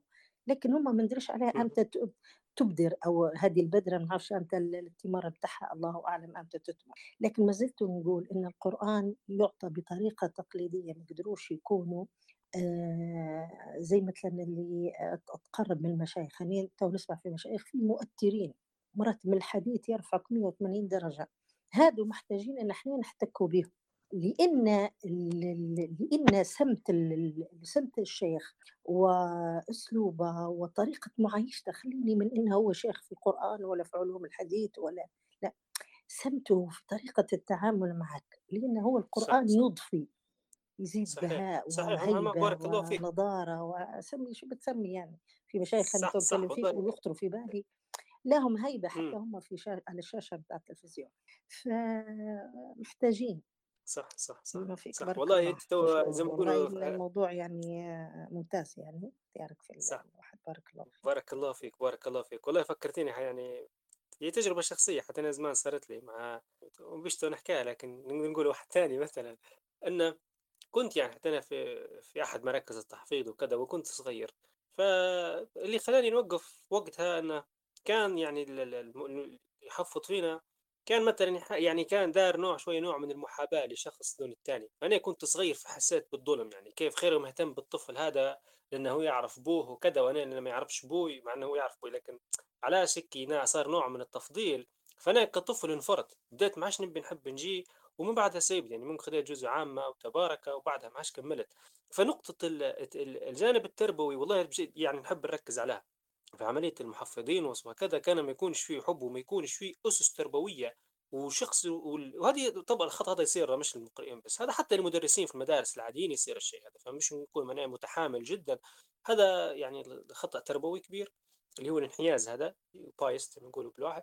ف يلا هذه أحدى من الحاجات لكن تو نحاول أخوي صلاح سامحني خليتك تراجع من بكري. تفضل أخوي لا صلاح ولا يهمك عادي ولا يهمك. طبعا استدراك بسيط على المداخلة الأولى مش كل مشايخنا قدم ما كانوش متعمقين في العلوم في اللي متعمق وفي اللي لا في اللي مكتفي فقط بالضبط والرسم والحفظ. هذه النقطة الأولى. النقطة الثانية تكلمت السيده أم أم همام على نقاط مهمة الحقيقة. آه، إمامنا علي بن أبي طالب عليه السلام قال يعني قسم التربية ثلاث مراحل سبعة سبعة سبعة. يا هل آباء وأمهات ما يعرفوش الشيء هذايا؟ أنت لازم تعتني بابنك أو ببنتك في السبعة ثلاث مراحل هذوما سبعة في ثلاثة ل 21 سنة هذه أهم مرحلة. صعب إنك تربي شخص بعده وفي اللي يربي لل 14 ويحسن تربيته وبعدين يطلقه في المرحله الحساسه اللي هي مرحلة المراهقة.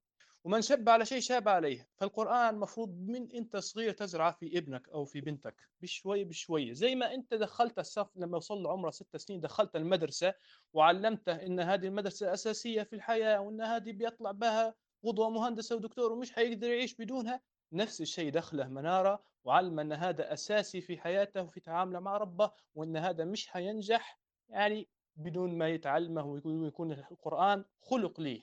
لما تعلم أنت الشيء هذا من خمسة ستة سنين عمره مش لما يجي هو مراهق خاص الدنيا وهو مش عارفها عمره 16 17 سنة أو جيه هو شباني كبير عمره 30 أو 40 سنة ودول هي تعالى بتحفظ القرآن. هنا الاستجابه بتكون أقل. ما نقولوش ما هناش. ده في ناس فعلا خشت في العمر هذا وحفظت وأصبحت متقنة لكن أقل. مش زي لما يكون من أنت صغير ربيت على الشيء هذايا حببت فيه. هذه نقطة. النقطة الثانية قصة المشايخ اللي اسلوبهم فظ طبعا ربي نعرف وش قال في سورة آل عمران ولو كنت فظا غليظ قلبي لانفضوا من حولك. فالأسلوب مهم جدا. الأسلوب والعلم وجهان لعملة واحدة. شخص عنده علم وعنده قرآن وأسلوبه بالهون هذا ما ينفعنيش وهذا بينفرك من العلم. هذا إنك تتجنبه أفضل. وشخص نفس الشيء خلوق وأخلاقه طيبة وجميلة وغيره ولكن مستواه العلمي بالهون. نفس الشيء هذا مش حينفعك. فأنت لازم تبحث عن شيخ يحمل الاثنين مع بعضهم. فهذه النقطة لازم يتابعها ولي الأمر. مش يحط ابنه عند أي شيخ هيك حط المهم نفسك في اللي يحطوا في أبنائهم على فكرة في الصيف باش يفتكوا منهم ومن دوشتهم. لا مش هيك يكون القرآن. لازم تعرف روحك أنت عند من هو الشيخ اللي حطيته. وإحنا مرينا أيضا أنا زيك حتى أنا مريت بمشايخ أسلوبهم بالهون.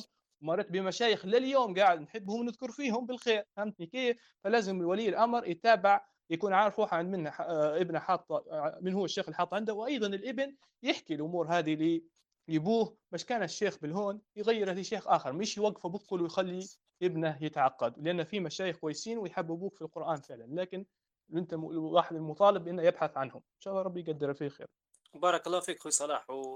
وانت طبعا سبحان الله في نص كلامك آه، حاولت تجاوب سؤال سالتها الاخت ريتاج في البداية موضوع العمر. فأعتقد يعني العمر آه، ما- ما- ماليش يعني العمر المثالي لحفظ القرآن أعتقد ما فيش عمر معين. طبعا هو كل ما يكون ما ابكر في كل ما يكون صغير بديهيا يعني يكون أفضل الحفظ أسهل وقدرة ولكن حتى في الكبر له ميزات. الكبير لما بيحاول بيحفظ يكون واعي جدا بالمعاني والفهم فممكن يدير يعني طرق سهلة تسهل الحفظ لو هو بيربطه بالمعاني والأمور هذه. آه طبعا إحنا تو بنحاول نأخذ المحاور الثانية نناقشوها ممكن نشوف وش رايكم فيها اللي هي موضوع موضوع علاقة يعني موضوع منهجيات التعلم بتاعها. يعني إحنا بكريكاي الشيخ بارك الله فيه تكلمنا في الجزء الأول عن موضوع الحب إن أنت تحاول تجيل القرآن من, من, باب إنك أنت تحبها في البداية وتحسن علاقتك معاه. لكن هل تعتقدوا أنتم في منهجيات أخرى بعد الحب طبعا هذا؟ يعني كيف نجي نقراه هل أنا مثلا آه، نقراه مثلا كله مع بعض نبدأ مثلا من البقره ونمشي بعدين لباقي الآيات أو لا؟ لا نقول أنا في البداية نبدأ من سورة الناس ونركب ترتيب عكسي. آه، كيف مثلا هل مثلا ناخذ مثلا بكل آية ونحاول ندور التفسير بتاعها ولا نقعد نركز عليها الجانب من جانب اللغة؟ هو صلاح عشان تقدر تقولنا في الموضوع هذا؟ والله آه، قصد- قصدك أنت طريقة حفظ القرآن ولا؟ قبل قبل قبل ما نتكلم عن حفظة نتكلم على شخص بيحاول يفهم يبي يفهم معانيه وبيحاول يطبقها قبل ما يتكلم عن الحفظ بعدين الحفظ والله ولو تبي. تكلمنا على موضوع الحفظ عادي احكي لنا موضوع الحفظ. يعني تجي تشوف الطرق المثلى لموضوع الحفظ. خلينا نبدأ بموضوع الحفظ أول شيء. والله يفيدك باش ما ربي يعلمني إن شاء الله ما نقولوا إلا الخير. ال- الاستعانه بالله زي ما قالت إحدى من إحدى الأخوات. اهم شيء فعلا إنك دائما تدعو الله. وتفوض أمرك بالكامل لله سبحانه وتعالى بإخلاص. تقول ربي وريني الحق وين ما كان وكيف ما كان وارزقني أني نقبل الحق وارزقني أني نحب العلم والعلم يحبني. باهي ولا؟ وهذه نقطة. النقطة الثانية بعد الدعاء المعاصي.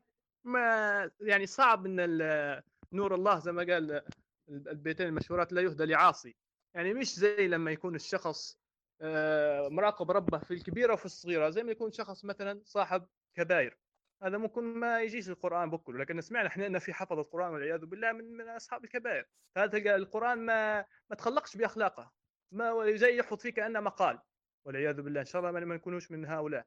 وفي مجتنب نعم الكبائر لكن متهاون في الصغائر. هتلقى حفظه مرات بالهون؟ وتلقاه أصلا يعني متذبذب؟ حتى هذه مرات سبب المعاصي سبب. كثير من مشايخنا ينبهوا فينا عليها. هذه حاجات يعني زي ما تقول أنت مبدئية قبل ما تخش تحفظ القرآن. بعدين لما تحفظ طبعا تبدأ مشايخنا ينصحوا فينا نبدأ من جزء عامة باش آه، تتقن الأحكام وسوره قصار وكلماتها يعني آياتها سهلات وغيرها تبدأ بشوية بشوية. زي ما يقولوا ديما ونقلل المقدار آه، وأكثر التكرار.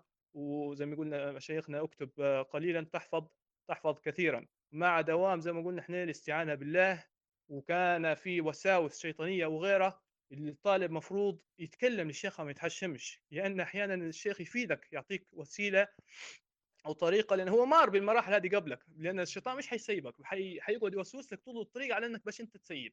هذا شيء طبيعي. فهو يعطيك نصائح كيف أنت تتخلص من وساوس الشيطان لعن الله وخزاه تتغلب عليه. هذا العدو المبين اللدود اللي بيقعد مع الإنسان إلى أن يموت. كذلك كسل النفس وصفاتها السيئة لو الطالب حس بحاجة زي هذه المفروض ما يتحشمش. المفروض يبحث ينظر في اليوتيوب في مشايخ يعني متكلمين على الأمور هذه أو يسأل شيخه ويصارحه يكون في نوع من المصارحة يكون في نوع من الاخوه في مشايخ مدارين حواجز بينهم وبين الطلبة. أنا ما نحبش الحواجز بصراحة. تكون في أخوة يكون في تعامل بس يكون باحترام. كل واحد يحترم ال- الشيخ يحترم حق الطالب والطالب يحترم حق الشيخ. هذا بصراحة هذه الصراحه علاقتي الشخصية مع شيخي والحمد لله يعني المفروض الكل بصراحة تكون هيك علاقة الشيخ مع الطالب والطالب مع الشيخ. والله أعلم الله أعلم. بارك الله فيك أخوي صلاح على مشاركة تجربتك بارك الله فيك الله يفتح عليك. آه، أخت آسيا تفضلي. آه، السلام عليكم. كيف حالكم جميعا؟ آه، بارك الله فيك يعني على الموضوع عبد الرحمن. آه، سؤالي حيكون شبيه بسؤال الأخت ريتاج لما سألت عن الانتكاسة وهيك في القرآن الكريم غير أني من مشكلة تانية يعني حتكون آه، اللي بنحكي عليها توا. تمام. آه، المشكلة هي الطالب مثلا يعني يقرأ في القرآن الكريم من هو في عمر صغير يعني تقدر تقولوا من. ستة سنوات خمس سنوات.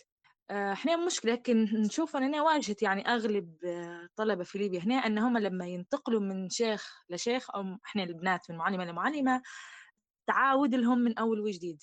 يعني يكون هم حافظين مثلا ربع ياسين فهي تقول لهم لأ. آه، جيتوا عندي أنا وأنا مش واثقة في المعلمة اللي قريتكم فلا تبدوا عندي من أول وجديد. فهي ممكن صارت معي أنا حوالي أربع مرات أو أكثر آه، بسبب هالظروف. فوصلت لمرحلة أنا خلاص يعني ما عادش آه، ما عادش نقدر أنا نعاود من أول وجديد. ممكن وصلت لبعد نصف القرآن الكريم ما عادش قدرت أنا آه، نراجع القرآن ونمتحن حتى في نصه باش نثبت للمعلمة أنا راهو مثلا أحكامي كويسة أنا نقدر نكمل معاك من وأنا واصلة. يعني ممكن نسموها نوع من العقدة أو ما نعرفش يعني بالضبط شنو اسمها ولكن هي مشكلة يعني. ف مش عارفة يعني كيف ممكن يعالجها الإنسان اللي تواجه شيء هو أو كيف ممكن يعني يحل الموضوع وهيك وشكرا. بارك الله فيك اسيا مش عارف لو حد عنده إجابة على الموضوع هذا اللي كيف المحفظين وعملية انه يهدموا يعني كان اللي قروه قبلهم ما- ماليش أهمية. فهذه إشكالية. وإحنا ممكن لو لاحظنا اليوم في هدرستنا ناقشنا هلبة على موضوع الحفظ. يعني حفظ القرآن الكريم. لكن اللي اللي لتو قاعد ما أشبعش غليلي فيه أو نبي يعني ما موضوع كيف تم تطبيق تطبيق على أرض الواقع. إحنا كيف الآيات نفهموها ونطبقوها في حياتنا. نا- على سبيل المثال ناخذ مثلا سورة العصر والعصر. إن الإنسان لفي خسر إلا الذين آمنوا وعملوا الصالحات وتواصوا بالحق وتواصوا بالصبر. يعني إحنا صغار كنا نحفظوا فيها ونكرروا فيها ومرات نصلوا بها في الصلاة إنها قصيرة ومش مت... الصلاة بتاعنا ما تطولش. لكن هل وقفنا على موضوع المعاني بتاعها ناخدوها والعصر؟ شو القسم هذا القسم يعني ربي قسم بالعصر العصر؟ في بعض التفاسير يقول لك هو العصر وقت العصر إحنا اللي هي بين قبل المغرب أو العصر هو يقصد به الزمن. يعني حتى بعض التراجم بالإنجليزي نلقى فيها by the time أو بالزمن. إن الإنسان اللي في خسر يعني الإنسان طول وقته هو راه خاسر خاسر خاسر خاسر في كل شيء في عمره في ماله في صحته في كل ديما هو في الخسارة وبصفة عامة. إلا دار استثناء ربي إلا الذين آمنوا وعملوا الصالحات. والذين آمنوا وعملوا الصالحات لو حد بيتدبر القرآن حلقاه متكررة معاه يعني في أكثر من صورة. الذين آمنوا وعملوا الصالحات الذين آمنوا وعملوا الصالحات. من عمل صالحا من ذكر أو أنثى وهو مؤمن فلنحيينه حياة طيبة. بعدين وتواصوا بالحق وتواصوا بالصبر. يعني يعني كلمة تواصل يعني هو بيطبق الحق على نفسه وبيوصي به غيره وبينصح به غيره الحق والصبر. وكأن الشرطين لعدم الخسارة أنك أنت بتكون يعني صا يعني يعني يعني متبع الحق وصادق فيه وتكون صابر.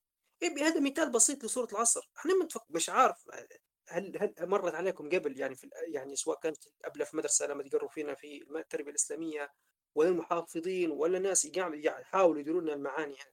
معناها اجتهاد بسيط يعني. إحنا أعتقد محتاجين المبادئ هذه لما تبدأ الآيات القرآنية نقروها نحاول نستشعروا المعاني فيها ونحاول نطبقوها في حياتنا ونخلوها كمبادئ لنا إحنا تقودنا. هذا فقط مثال. يعني على سبيل المثال لما نجي نشوفوا صفات صفات المؤمنين قد أفلح المؤمنون الذين هم في صلاتهم خاشعون. ونشوف بعدها تلقى كلها صفات المؤمنين. لما الإنسان يتذكرها خاصة مثلا الشباب تو خاصة بالذات لما يجي موضوع آه، غض البصر والذين هم لفروجهم حافظون إلا على أزواجهم وملكة أيمانهم. فأنت الموضوع هذا يعني يكون في البال. موضوع غض البصر موضوع كذا. فهل إحنا فعلا واصلين لمستوى أن إحنا نحاول نطبقوا المباني هذه كدستور لنا في حياتنا أو لا؟ أي حد عنده مداخلة في الموضوع. عبد الرحمن تسمع فينا. آه، السلام عليكم. وعليكم السلام. والله لا تعرف أنت تبغى تريحها الله يبارك فيك. والله الله يجزاك خير على الأسئلة الجميلة يا عبد الرحمن. أنا حاولت أتواصل مع الشيخ لكن باين النت منه فاصل بكر يعني فنأمل إنه هو لعل خير لعل خير. مش مشكلة. لعل خير يعني. آه ممكن بداية نجاوب على موضوع الحفظ نرجع للموضوع الفهم يعني أو موضوع محاولة تطبيق آيات القرآن الكريم. يعني حفظ القرآن هو مشروع مشروع كبير يعني كبير جدا ورحلة طويلة نوعا ما يعني. وأعتقد إن الأسلم والأسرع والأكثر اختصار للوقت والأضمن للوصول هو إن الإنسان يلتزم بمسجد يعني. يعني محاولة الحفظ الإنسان لوحده يعني تحتاج لهمة كبيرة جدا. لو الانسان يعني قدر إنه هو يلزم نفسه بالشيء هذا واستمر عليها صراحة يعني إنجاز عظيم جدا جدا جدا. لكن لكن شوف يعني نشوف إنه مهم جدا يكون يكون معك يعني مشرف عليك يكون شيخ مشرف يكون رفيق ورفيق مش من مش واحد تتحشم منه بتاع يساعدك يمشي لك. لا واحد يكون نوع من الالتزام يكون في نوع من تدقيق ومتابعة معك يعني. لأن الحفظ يحتاج الشيء هذا إنك أنت بتحفظ جديد وبتراجع القديم وتضبط القراءة بتاعك. يعني مش موضوع تحسه موضوع شخصي الإنسان ممكن ينطلق فيه بروحه بسهولة يعني يحتاج يحتاج إلى إلى البيئة يحتاج إلى الدافع يحتاج إلى حتى أحيانا الإنسان يحتاج همة في البداية.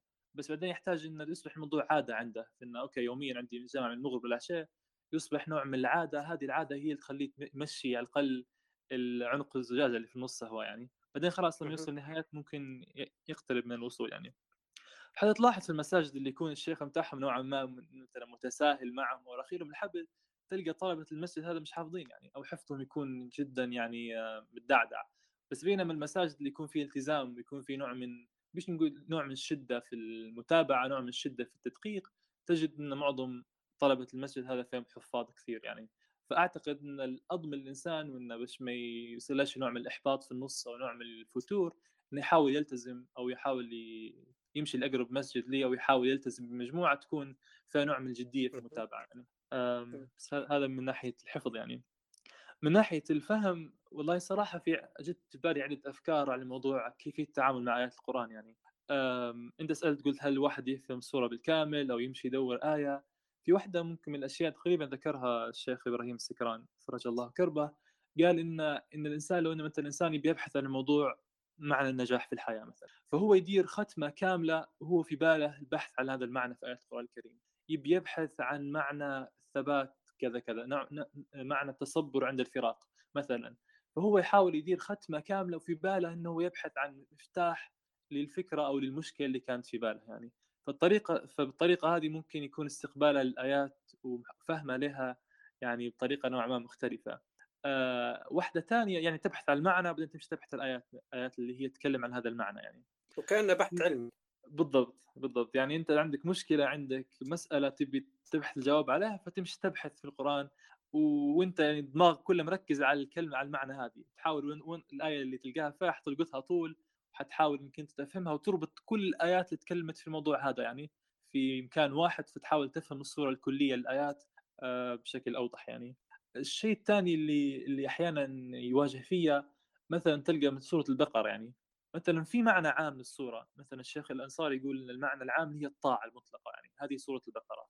برغم إنه مثلا تلقى يعني 49 صفحة آه، القصة تكلمت على قصة آه، البقرة مجيش ممكن نص صفحة بس من أصل هذا كله. بس سمي سورة البقرة هو يقول إن المعنى العام للسوره هذه اللي هي مثلا كانت على موضوع الطاعة وإن من صفات الأمة اللي الله عز وجل يريدها ان تكون ان تكون يعني الطاعة عندها حاجة عالية جدا يعني. بعيدا عن اللعب والدوران اللي دارته بني إسرائيل على أوامر الله عز وجل واختم واختم الصورة بقصة متاع قالوا سمعنا وأطعنا يعني. فالفكرة اللي نقول ان مثلا تجد في معنى عام للصورة بس داخل الصورة نفسها في قصص مختلفة وفي قصص وفي آيات في مواضيع مختلفة. فمحاولة فهم شنو هو الرابط شنو هو الخيط اللي يربط كل صورة ما معنى العام للصورة هذه؟ الآيات نزلت على على أزمان مختلفة يعني. تلقى الصورة واحدة نزلت آياتها في سنين طويلة يعني. فشو المعنى إن الآيات هذه جت مع بعضها؟ شنو هو الرابط بين هذه الآيات؟ علاش حط علاش انحطت في صورة واحدة يعني؟ هذا ممكن الفهم يضيف يضيف يعني معنى إضافي للفهم. الشيء الثالث إن حتى حتى القرآن لما نزل يعني زي ما نقول ان كان يصير حدث مثل النبي صلى الله عليه وسلم فتنزل آية تعالج هذا الحدث فطريقة تلقي الصحابة الآيات مجوج الصحابة ما تلقوش قرآن صور كاملة أو قرآن كامل كانت كل حدث فيه آية معاهم كل مثلا يصير إشكال للصحابة يصير موقف أمامهم تجي الايه فطريقة تلقيهم لهذه الآيات يختلف عن طريقه تلقينا إحنا. يعني كان في مشكلة جت الايه جت الآية حلتها. كانت في ضبابية جت الايه وضح آية وضحت الطريق. فهذا الشيء فلو مثلا تتبعنا الآيات اللي نزلت عن النبي صلى الله عليه وسلم وفهمنا مثلا آه، أسباب نزولها هذا الشيء يعطينا معنى آخر ومعنى أوضح للآيات يعني. صحيح. آه، بارك الله فيك عبد الرحمن. بالنسبة لك تعليق تعليق بسيط هيك تفكرت تو بموضوع انك لما تقرأ وتدور على حاجة. جيت فترة قعدت نحاول نبي نفهم شنو تبعت آيات وآتيناه حكما وعلما اللي تجي على الأنبياء. وآتيناه حكما وعلما جمعتهم كلهم. لقيت الرابط المشترك في معظم الآيات كلها اللي هي وكذلك آه، يعني المحسنين أنا صفة الإحسان. صفة الإحسان ثلاثة متعلقة جدا بموضوع آتيناه حكما وعلما. يعني باش حسب ما فهمتها أنا باش ربي يعطيك ال... يسهل لك موضوع الحكم وموضوع العلم؟ أنت ضروري تكون من الناس المحسنة في موضوع الإحسان. فهذا مثال بسيط يعني يعني وتو الحمد لله أعتقد ال applications تو الموجودة تسهل عملية السيرش هذه اللي بتصير. يعني بمجرد تدخل كلمات ويجيب لك مثلا الآيات كلها سهلة جدا. ممكن أسهل من إنك أنت تتصفح المصحف بالكامل ورقي هيك تصعب عليك مهمة. آه شيخ سالم تفضل لو قاعد معنا. شيخ سالم تسمع فينا؟ السلام عليكم. وعليكم السلام ورحمة الله. آه مساء الخير ليكم المستمعين جميعا. أنا راني سامحني. أنا بالخطأ راني نشت الوحدة بس آه لكن حصلت عليك معناته لكن ما عنديش مشكلة ندخل يعني. فاين نسمع منك. آه بارك الله فيكم. أنا والله سعيد جدا جدا جدا بالمنتدى هذا. وأنا هذه ممكن ثاني أو ثالث مرة ندخل عليه. طبعا دعتني ليه مرة الأستاذة زهرة أوشن يعني. آه طبعا أنا دكتور في الدراسات الإسلامية في جامعة مصراتة آه يعني أستاذ في جامعة مصراتة حياكم الله. أنا سمعت بعض الإخوة يتكلموا عن الكلام بالقرآن بس بأمانة يعني ال background بتاعتهم يعني في, في الأصل غير شرعية. في إشكالية في التوجه لل للمراجع والمصادر. يعني نحثكم طالما في فعلا اهتمام شبابي بالقرآن وما نطلبش من الناس كلها إنها تقرأ شريعة. يعني الناس بتقرأ قانون بتقرأ هندسة بتقرأ طب بتقرأ فيزياء بتقرأ مختلف التخصصات يعني. بس لكن لو ينعمل منتدى مثل مثل هدايا وينحط فيه ناس متخصصين ويناقش الأمور هذه فحيكون حلو جدا جدا جدا يعني. وحيكون يعني يعني يعني آه، واحد ينعتك يعني ويقرب لك النعتة. يعني مثلا أنت الآن الأخ اللي تكلم تو مش عارف أنت أخ عبد الرحمن ولا غيرك اللي تكلم عليه على إن المحسنين ومش عارف وعلاقتها بحكما وعلما. أنا ما فهمت شنو وجه الربط يعني. قصدي هذا كيف كيف؟ أنا راح لك أنا قلت لك اجتهاد شخصي مني أنا مش مش آه، متخصص. فقريت ما- ماشي. آه، بحثت هيك ولقيت يعني ممكن آه، ما هو ما هو في إشكالية. الاجتهاد الشخصي قصدي لابد يكون أصلا مبني على على على على خلفية علمية. بأمانة يعني. الخلفية العلمية يعني تمكنك من اللغة تمكنك من الفقه تمكنك من أصول الفقه تمكنك من علم التفسير تمكنك من أصول التفسير تمكن. وطبعا علم التفسير على فكرة أصعب علوم الشريعة. عارفين ليش؟ باختصار لأنه يحتاج إلى علوم كثيرة جدا. أصلا حتى في في الزيتونة من من قديم كان أصلا علم التفسير آه، يدخلوا في الطلبة ليه كآخر مواد. يعني مثلا أنت لما طالب بيقرأ يبدأ مثلا في القرآن يبدأ في كحفظ يعني. يبدأ مثلا في في الحديث يبدأ في الأصول الحديث يبدأ اللي هو المصطلح يبدأ في في الفقه بعدين أصول الفقه ويبدأ في التدرجات. طبعا اللغة هذه من الأول يعني وتدرجات واللغة كلها بكافه علومها بلاغة نحو أدب صرف مش عارف إيش. بعدين بعد يتمكن من العلوم هذه كلها طبعا أنا انصحكم بكتاب اللي هو الشيخ بن عاشور اللي هو أليس الصبح بقريب يوريك كيف التدرج العلمي صار في الزيتونه وكيف.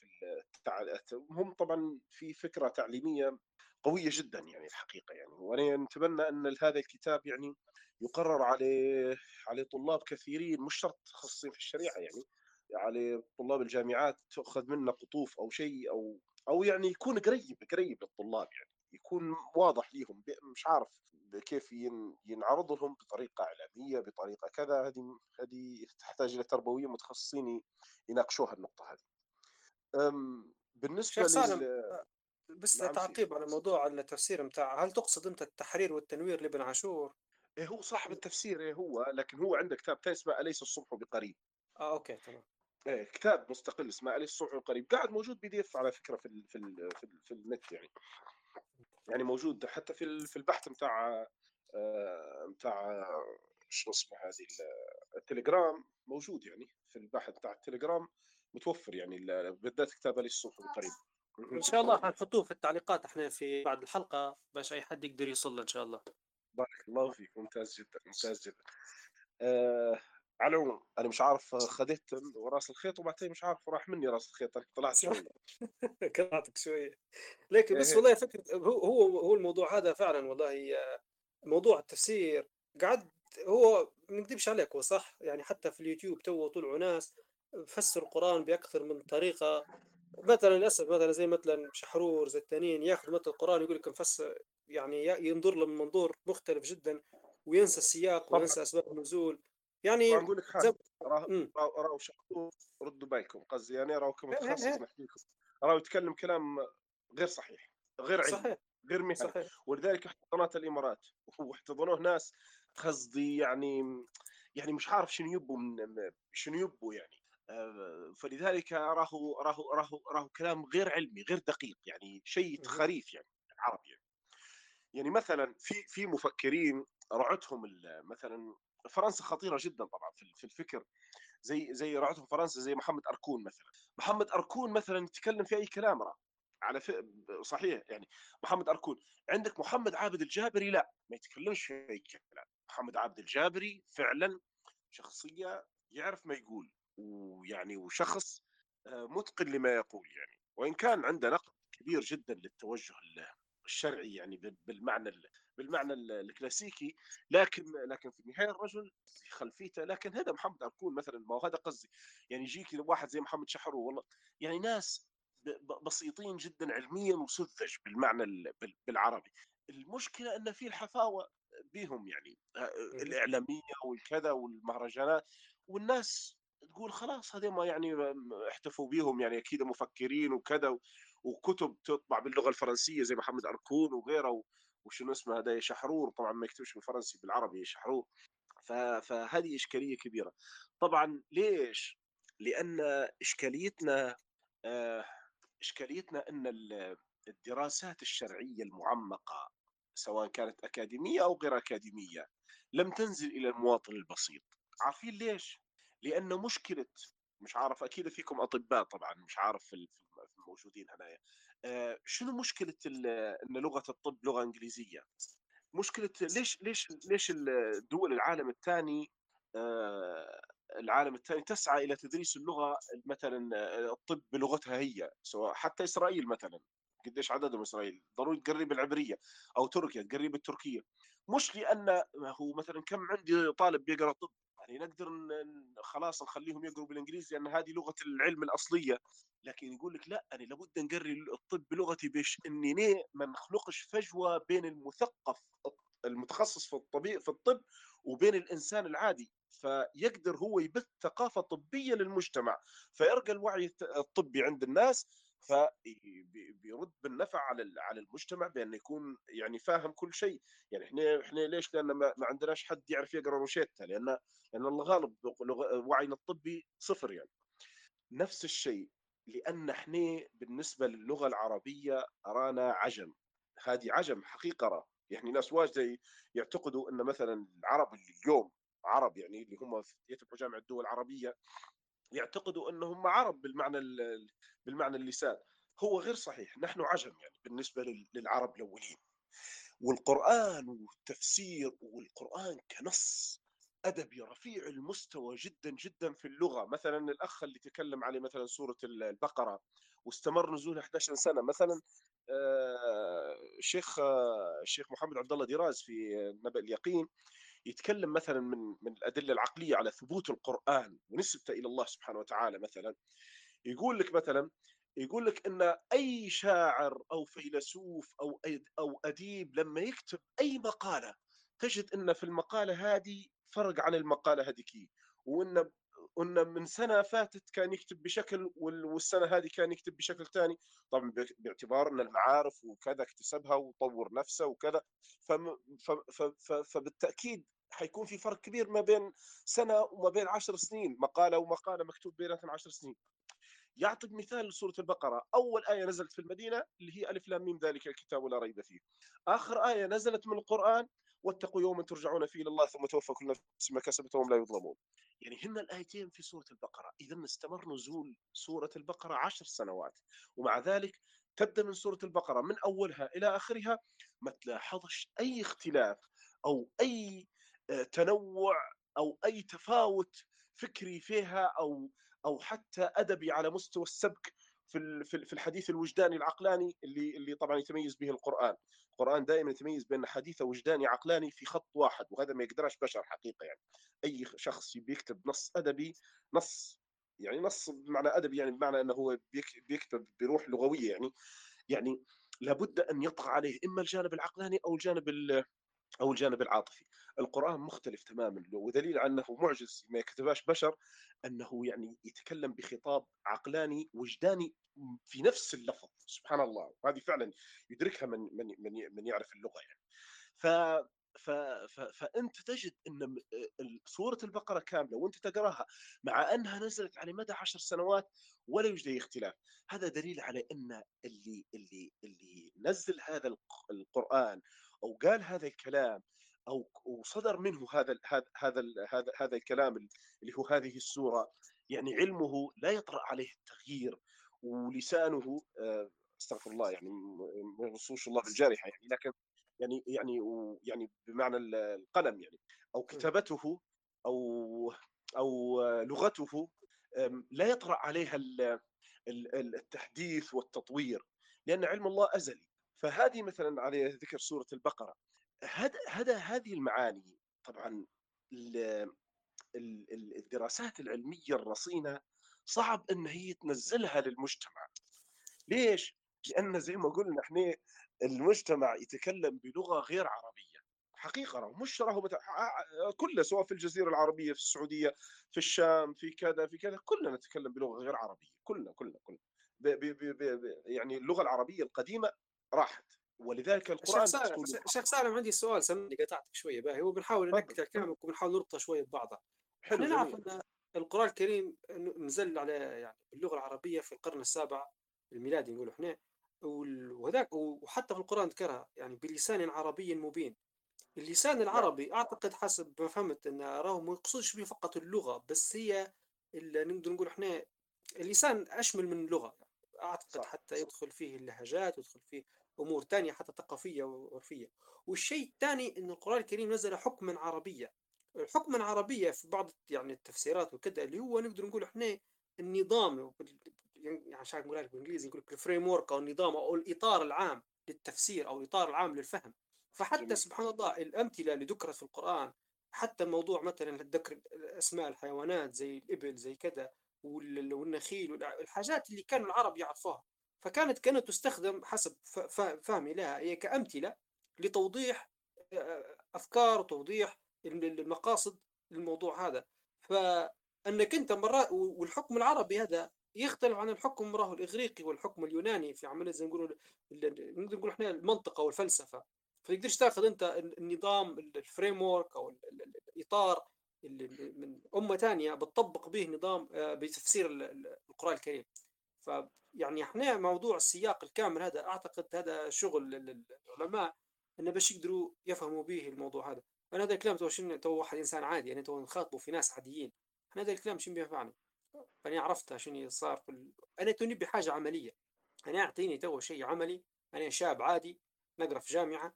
أنا مثلا نخدم أنا كيف كيف نتصرف؟ كيف أنا بنعيش حياتي مع القرآن ونقطة ذكرتها شيخ سالم لي موضوع التمييز إن إحنا كيف نميز بينات هو فرضا بديت نفتح في اليوتيوب وبديت ندور كيف نعرف إن هذا المفسر يفسر صح ولا ذاك يفسر غلط؟ يعني نبي نبي أداة زي ما يقول لك لا تعطيني سمكة بل علمني كيف أصطاد.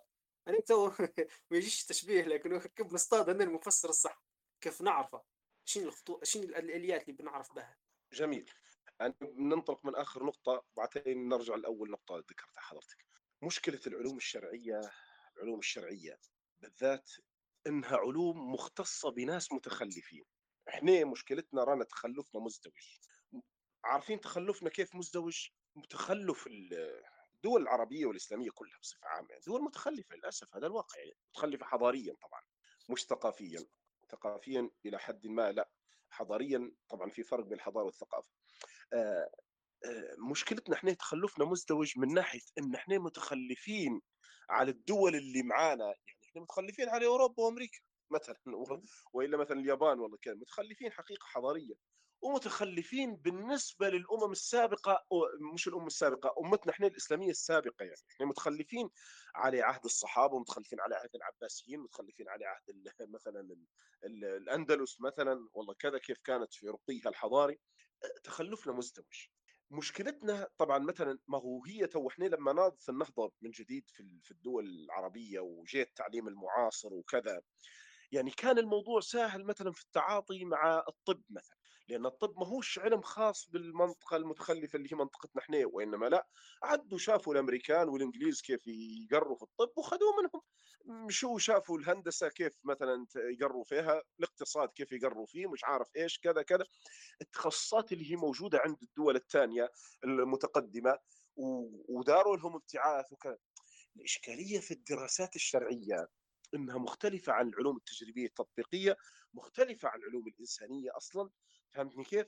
والإشكالية انها هي بيئتها بس دول متخلفة. لو إن إحنا كنا في دول متقدمة الأصل إن في مراكز علمية محترمة جدا محترمة ويعني وينتمي إليها ناس محترمين علميا. أنت كمواطن بسيط ما عندكش أي خلفية تقول والله مثلا مركز كذا أو مركز مثلا اسمه المنتدى الفكري مثلا للشباب تمام؟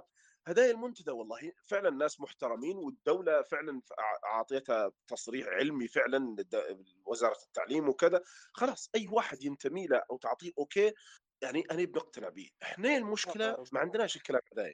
فهمتوني كيف؟ هذه الإشكالية فهي إشكالية معمقة جدا. إشكالية معمقة جدا بمعنى الكلمة. الآن الآن صارت العملية يعني كما نقول ابتعاد ال- المتخصصين في العلوم الشرعية ابتعادها ابتعادهم عن التقنية عن عن عن مواكبة مثلا العلوم المعاصرة عن الإشكالية منين ترجع ترجع عارف شيخ سالم غادي نشاركك بحاجة ان شاء الله يصلح لي انت باهي لو أنا غلط. إيه. أنا مرة سمعت المهندس ايمن عبد الرحيم كان يتكلم كلام جميل صراحة باهي يتكلم على موضوع شعب الإيمان. يقول لك إن الحضارة الإسلامية والدولة الإسلامية والأمة باش الأمة الأمة مش مش حنتكلم على دولة شيء أمة الإسلامية كاملة بغض النظر هيك بينها وبين أفرادها بين بعضها. في حاجة يسمون فيه يقول لك شعب الإيمان. يعني شعب الإيمان بضع وسبعون شعبة أو بضع وستون شعبة. باهي أعلاها لا إله إلا الله وأدناها اماطه الاذى عن الطريق والحياء شعبة من شعب الإيمان. فمن ضمن شعب الإيمان اللي هو اللغة العربية حسب ما فهمت. باهي. وتعليم اللغة العربية جو- يعني يعني شعب الإيمان كيف بنشبهها تو باش الناس يفهمونها هي عبارة عن حاجات ضروري تتحقق في المجتمع هذا. باهي. ولو فئة من الناس قامت بها وتكفلت بها تسد على التانيين باش يقيموها بس. باهي. إن اللغة العربية جزء من النسيج هذا زي شبكة العنكبوت الكامل لو تم نزعها الشعب الثانية تتلخبط مع بعض. فاللغة العربية كانت محور أساسي. الإنجليز لما جو احتلوا الدول العربية وغيرها أكت أول حاجة لعبوا عليها اللي هو فصل اللغة العربية عن العلوم الشرعية. فأصبحت صح. كلية تقري في علوم الش- ال- ال- اللغة العربية بروحها كلية تقري في علوم شرعية بروحها وصار الطلاق هذا ما بين ال- الحاجات المفروض يكونوا زوز مع بعضهم آه، في خط واحد. الشيء الثاني ضرب اللغة العربية في المدارس. حاليا تو أصبح اللغة العربية تهم زي تولي غريبة أكثر يوما بعد يوم في المدارس. وأصبح الأباء والأمهات كذا يفضلوا صغارهم يقروهم لغة إنجليزية على انه يقروهم لغة عربية. يقول لك لنا اللغة العربية ما توكلش عيش. وينظروها بالمنظور هذا بدأ الطغيان المادي. فاللغة العربية لو ان ما تم ما تمش تعليمها بشكل صحيح يعني وص- وصلحني أنا قاعد ندوي كلام عادي انت أنت أدرى مني. زمان الناس الحضارة الإسلامية الاولى كانوا الأطفال بتاعهم لو بنجي ننظر لنظام التعليم كان أساسي جدا إنهم يمشوا للحفاظ أو الكتاب أو المدرسة أو كيف كانت تسمى. فيتعلم القرآن الكريم بيتعلم معاها اللغة العربية تحصيل حاصل. زي ما قال عمر بن الخطاب تعلموا العربية فإنها تقوي العقل وتزيد في المروءة. لو ما غلطتش فيها باهي فكان يطلع الطفل متشبع فهما للغة العربية فهم القران بعدين هو معاه يريح خلاص ما إحنا عرف اللي اعطيته ال- هذا حصانه قائد السدره مش عارف كيف يقولوا فيها. فخلاص بدأ يعرف المنهجية ويعرف عقله أصبح سليم لأن اللغة العربية تتضمن آه، قواعد عقلية وفلسفية. نقدر نقول إحنا logical tools أو logical thinking باش يقدر يفكر صح. لأنه هو لما بقواعده سليمة حتى المنطق بتاعه يكون سليم. إحنا وين منا هذا كله شيخ سالم طبعا أنت ذكرتني الحديث ذو شجون سبحان الله. آه خلينا نحكي لكم قصة دان لوب. ممكن سامعين بيه دان لوب. دان لوب مستشار وزارة المعارف المصرية اللي هو الإنجليزي المعروف. طبعا هذا آه معروف. حتى أحمد شوقي تكلم عليه في واحدة من قصائده طبعا. هو اللي أول من دار البرنامج هذا المؤامرة على اللغة العربية. طبعا كيف داروا؟ عبارة عن إن مثلا اللغة العربية كانت طبعا إلى الآن نشوف أنت سبحان الله مصر يتأثر بها العالم الإسلامي كله في أي شيء يعني. آه آه مثلا إن اللغة العربية حصصها تكون ما بعد الاستراحة ما تكونش قبل الاستراحة وتكون الرياضيات والعلوم ضروري تيجي قبل الاستراحة. الرياضيات والعلوم مثلا إنها تكون لابد باش تنجح إنك أنت تجيب 80 من 100 أو 70 من 100 بينما اللغة العربية لا تجيب 40 من 100 خلاص ناجح. يعني بأقل مجهود. ما تقراش فيها ما تست- ما تستاهلش. الفصل ما بين أدبي وعلمي مع أن هي اللغة العربية علم يعني. شو اسمه هذا علم يعني. أنت لما سميته أدبي كأنك طلعته من من ناحية علم وخليته أدبي يعني هو أدبي يعني. فاهمني مع انه الأولى أنك تسميه علوم إنسانية وعلوم تجريبية تطبيقية مثلا. يعني ليش أنت هذا علم وهذا علم أصلا؟ ليش أنت قلت له هذا علمي وهذا أدبي؟ يعني هذا أدبي يعني مش علم. هذا أي كلام بس بس مش علم يعني. كلنا هذين اثر بالتأكيد في ال في ال في ال في ال في في في في, المسيرة التعليمية لل- للأجيال. وأصبح شنو؟ أصبح بعدين لغة العلم أصبحت شنو؟ الإنجليزية. وهذه حقيقة طبعا لغة العلم الإنجليزية يعني. 80 الدراسات تقول إن 80% من الأبحاث حول العالم اللي تنشر وحتى راهو في العلوم الشرعية ها شوف 80% من الأبحاث المنشورة هي باللغة الإنجليزية فإذا أنت تعلمت الإنجليزية حز 80% من يعني تخيل معايا وفعلا طبعا هذه قوتها من قوة شنو؟ من قوة ال... طبعا كان في الأندلس زمان كانوا كان طبعا لأن اللغة اللغة عربية في الأندلس فكان. ال- الأوروبيين كان اللي بيدير روحه متحضر طبعا يتكلم بالعربي وزي نحن تو اللي بيدير روحه متحضر يتكلم thank you كذا مش عارف إيش بال... بال... ب- بكلمات إنجليزية يعني. آه، طبعا هذه مأساة مأساة اللغة العربية ماساتها آه، إشكالية أنا أنا نقول لك حاجة ثانية. رانا إحنا تو مثلا في ليبيا مثلا قريبين جدا من القرآن حقيقة يعني. وهذه نعمة من نعم الله سبحانه وتعالى علينا. وطبعا راهو مثلا أنا أنا أنا درست آه، درست في الأردن دكتوراه ماشي؟ وشفت مثلا الأردن أنا أؤكد لك أؤكد لك ربما تنصدم بهذا الكلام واكد لك أنه لا يوجد عشر أشخاص في الأردن يحفظون القرآن بالمعنى الحفظ الليبي فهمتني كيف؟ طبعا هم يقول لك أني نحفظ القرآن لو تقول لهم مثلا كم في الأردن حافظ للقرآن؟ يقول لك مثلا مثلا حوالي مئة ألف حافظ القرآن شو معنى حافظ القرآن؟ إنه هو الشيخ وقرا وقري عليه من المصحف من الجلدة للجلدة وعطاه إجازة وخذ اسمه حافظ للقرآن. هيك عندهم حافظ القرآن في المشرق. بينما إحنا لا لا وين هذا؟ هذا قاري قرآن اسمه يعني و- أو كذا. لكن وين؟ يبي فلقة ويبي ضرب ويبي كذا بش. وكان وكان مش ويتلعتم تلعتيمة واحدة بس في اللوح ما فيش ما فيش محية وكذا والكلام هدايا ولذلك كان عندنا فعلا فعلا كان لا يوجد في العالم الإسلامي في العالم الإسلامي نسبة وتناسب بين الشعب وبين الحفاظ أكبر منه في ليبيا ابدا ولا أقوى حفظا من الليبيين. هذه حقيقة هذه حقيقة. طبعا المليون حافظ هذا الرقم غير صحيح لكن لكنه يعني من 600 إلى 700 ألف يعني هيك يقولوا يعني. ما شاء آه، الله. الشاهد إحنا قربنا إحنا للقرآن كان له دور جيد إلى حد ما. آه، مثلا شفت أنا في الأردن ناس يقروا في العلوم الشرعية ما يعرفش مسائل نحوية ميسرة مش معقدة أبسط المسائل. ما يعرفش يقرأ من الكتاب كويس بجديات راهو دكاترة.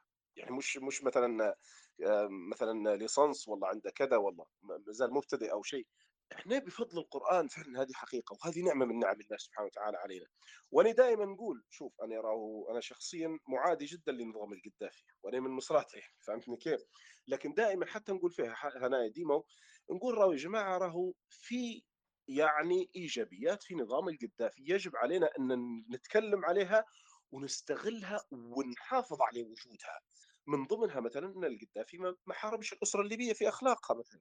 وهذه حقيقة. قدر مثلا تونس بلد الزيتونة. ليش تونس كذا وليش إحنا ما وليناش كذا لأن ما فيش نظام سياسي جاء خلانا زي التوانسه ويقدر النظام السياسي عادي. عارفين السوريين مثلا؟ مثلا الناس يقولوا السوريين فعلا الشعب السوري كان زي باب الحارة زي باب الحارة فعلا بأخلاقيته وكذا وكذا كيف تغير؟ عبارة عن النظام السياسي غيره وخلاه مثلا في في في في وادي ثاني من أخلاقية. هي يقدر كان يقدر القذافي كان يقدر مع ذلك ما حاربش الأسر. كذلك ما حاربش القرآن. وإن كان إحنا ما ما ما نسبولاش الفضل لأنه هو ما ما ما ما ما دعمش بالمعنى الصحيح لكن في النهاية ما حاربش. هذه حقيقة. وكونه ما حاربش في حد ذاته حتى هاي تحسب له. صحيح. الشيخ سالم هي تو بكري كانت كلمة على موضوع قلت العالم المتحضر. وأنا انت قلتها وأنا في داخلي مش عارف كيف نقول لك ضحكت شوية باهي. علاش؟ ال- اللي شا... الحاجات اللي أنا شفتها. يعني صراحة يعني برا راهو قاعدين يتخبطوا صح من ناحية تقنية ومن ناحية كذا راهم متطورين لكن راهو يعانوا من ناحية أخلاقية بشكل كبير من ناحية فكرية. تخيل اليوم كنت في نقاش حكيتها موضوع أنه مرة حضرت نقاش يعني يتناقشوا بين بعضهم يتساءلوا هل الحياة دي تستحق أن تعاش أو لا. يعني جروب هيك يعني يعني إحنا الموضوع ده قتل بحتا عندنا. حتى الإنسان العادي البسيط ولو كان هو فقير ولو كان حالته صعبة ما يخطرلاش السؤال هذا؟ إحنا هل دي تستحق أن تعاش أو لا؟ خلاص لأنه عارف إن هذا كله ابتلاء يمر به وهذا كله إحنا في القرآن وفي ثقافتنا عارفين الأمور هذه. ما, ما, تخش حتى باب النقاش. هم لا هذه يط- يط- يطرحوا فيها ويقول لك ما دام الحياة معاناة ماني علاش عايش؟ ما يبين كان المعاناه بلاش نجيب في صغار ونخليهم يعانوا معاي. وهذا كل الإجابات موجودة في القرآن. يعني إحنا نرجع للنق... نرجع لموضوع الحلقة الأساسي. القرآن كيف ب- يكون ب- منهج حياه خلي- خليني اقاطعك في نقطة بس بش بش بش لا لاحظ إني لاحظ إني قلت لك إحنا متخلفين حضاريا لا ثقافيا. آه آه واضح؟ قصد- آه. آه الكلمة هذه. طبعا في فرق بين الحضارة والثقافة. الحضارة هي المعنى المادي. يعني مثلا أنت كوب المي اللي قدامك مثلا حاليا توه وين صناعته؟ صناعته صيني مثلا أو تركي أو مثلا كذا ما هوش ليبي يعني في النهاية. تمام؟ الكوب المي اللي قدامك اذا هو حضارة صينية. كونك أنت بتشرب بيدك اليمين وبتسمي الله ومش عارف إيش هذه ثقافة. آه. أنت ثقافتك كيف مارستها في الشرب هذه وضحت عليك إنك شربت بيدك اليمين وقلت بسم الله وكذا. لكن شربت بحضارة صينية. فهمتني كيف؟ ولذلك هم فعلا متحضرين من ناحية إن السيارة من صناعتهم والطيارة وكذا وأنت كل أنا تو مبرق في مبرق أنا تو في في في في, في الغرفة اللي أنا موجود فيها أنا ما لقيتش شيء مثلا صناعة ليبية. كل شيء عندنا مستورد من برا اللي قدامي توني بما فيها الهاتف اللي نتكلم فيه. اذا هو حضارة مثلا الهاتف اللي قدامي من الدولة اللي جاي. لكن كيف أنت شو انت تكلمت به؟ وكيف تكلمت؟ وقلت بسم الله الرحمن الرحيم وصليت على النبي صلى الله عليه وسلم مثلا أو كذا أو أو تكلمت كلام كويس أو تكلمنا عن القرآن إحنا نمارس ثقافتنا تو فهمتني؟ طبعا هم يتخبطوا جدا ثقافيا لأن الأسئلة الثلاثة طبعا عندهم صعبة جدا من أين وإلى أين ولما؟ من أين أتينا وإلى أين سنذهب بعد الموت ولما؟ يعني وشنو السبب وجودنا أصلا في هذه الحياة؟ الأسئلة الثلاثة الخطيرة هذه إحنا بالنسبة لنا إحنا نشوف فيها أسئلة عادية لأن إجابتها واضحة عندنا بفضل القرآن. بينما هي اسئله خطيرة جدا. يعني إحنا في عندنا يعني إحنا في عندنا عادات مثلا لو إنك مثلا أنت تدوي واحد إنجليزي تقول له مثلا تقول أنا نصلي خمس مرات في اليوم. يقول لك five times يعني معقولة خمس مرات أنت تسيب في شغلك والله مش عارف شنو هو وتمشي مثلا تتوضا وتصلي وتستقطع في الوقت هذا إي نعم هي خمس وقت خمس وقت. أنت تشوف فيه وقت عادي لكن هو يشوف فيه جهد عظيم جدا. فعلا جهد عظيم. يعني فهمني كيف؟ أنت لما تجاوب على الأسئلة هذه الثلاثة بكل أريحية راهو مجهود عظيم جدا بذلوه معاك والديك لما علموه لك ولما فهموك وكيف خداك بوك زمان ورفعك للجامع وكيف إنك أنت تشربت هذه المعاني بشوي بشوي طبعا هم يفتقدوها هذه الأمور فلذلك آه، نرجع أنا قلت لك هم متحضرين فعلا إحنا متخلفين جدا حضاريا قدامهم وهذا شيء مؤسف فهمتني كيف؟ ولذلك راه هو شوف هو هو هو هو ابن خلدون في المقدمة تكلم على على على نقطة مهمة. آه نعطيه نعطيه لك يعني هي بش بش إحنا من صح شيء مؤسف بس لكن بش ما ما, ما يخليناش إن إحنا آه نحن نتأسفوا على حياتنا وكذا. لأن هذا شأن يعني شأن عربي قديم. طبعا نتكلم إن العرب يعني ما كانتش عندهم حضارة مادية قوية ابدا ابدا. يعني وإنما كان عندهم حضارة أخلاقية اللي هو الثقافة اللي تكلمنا عليها الثقافة يعني. ثقافة أخلاقية قوية هذا هذا بلا منازع. طبعا المسلمين. يتكلم على إن في عهد هارون الرشيد شوف الدليل. في عهد هارون الرشيد يعني وكانت الحضارة الإسلامية في قول في أوج قوتها شنو أراد هارون الرشيد استشار طبعا يحيى بن خالد البرمكي اللي هو الوزير ومن أصل فارسي طبعا كان في السجن بعد نكبة البرامكة فقال له لقد عزمت على هدم إيوان كسرى.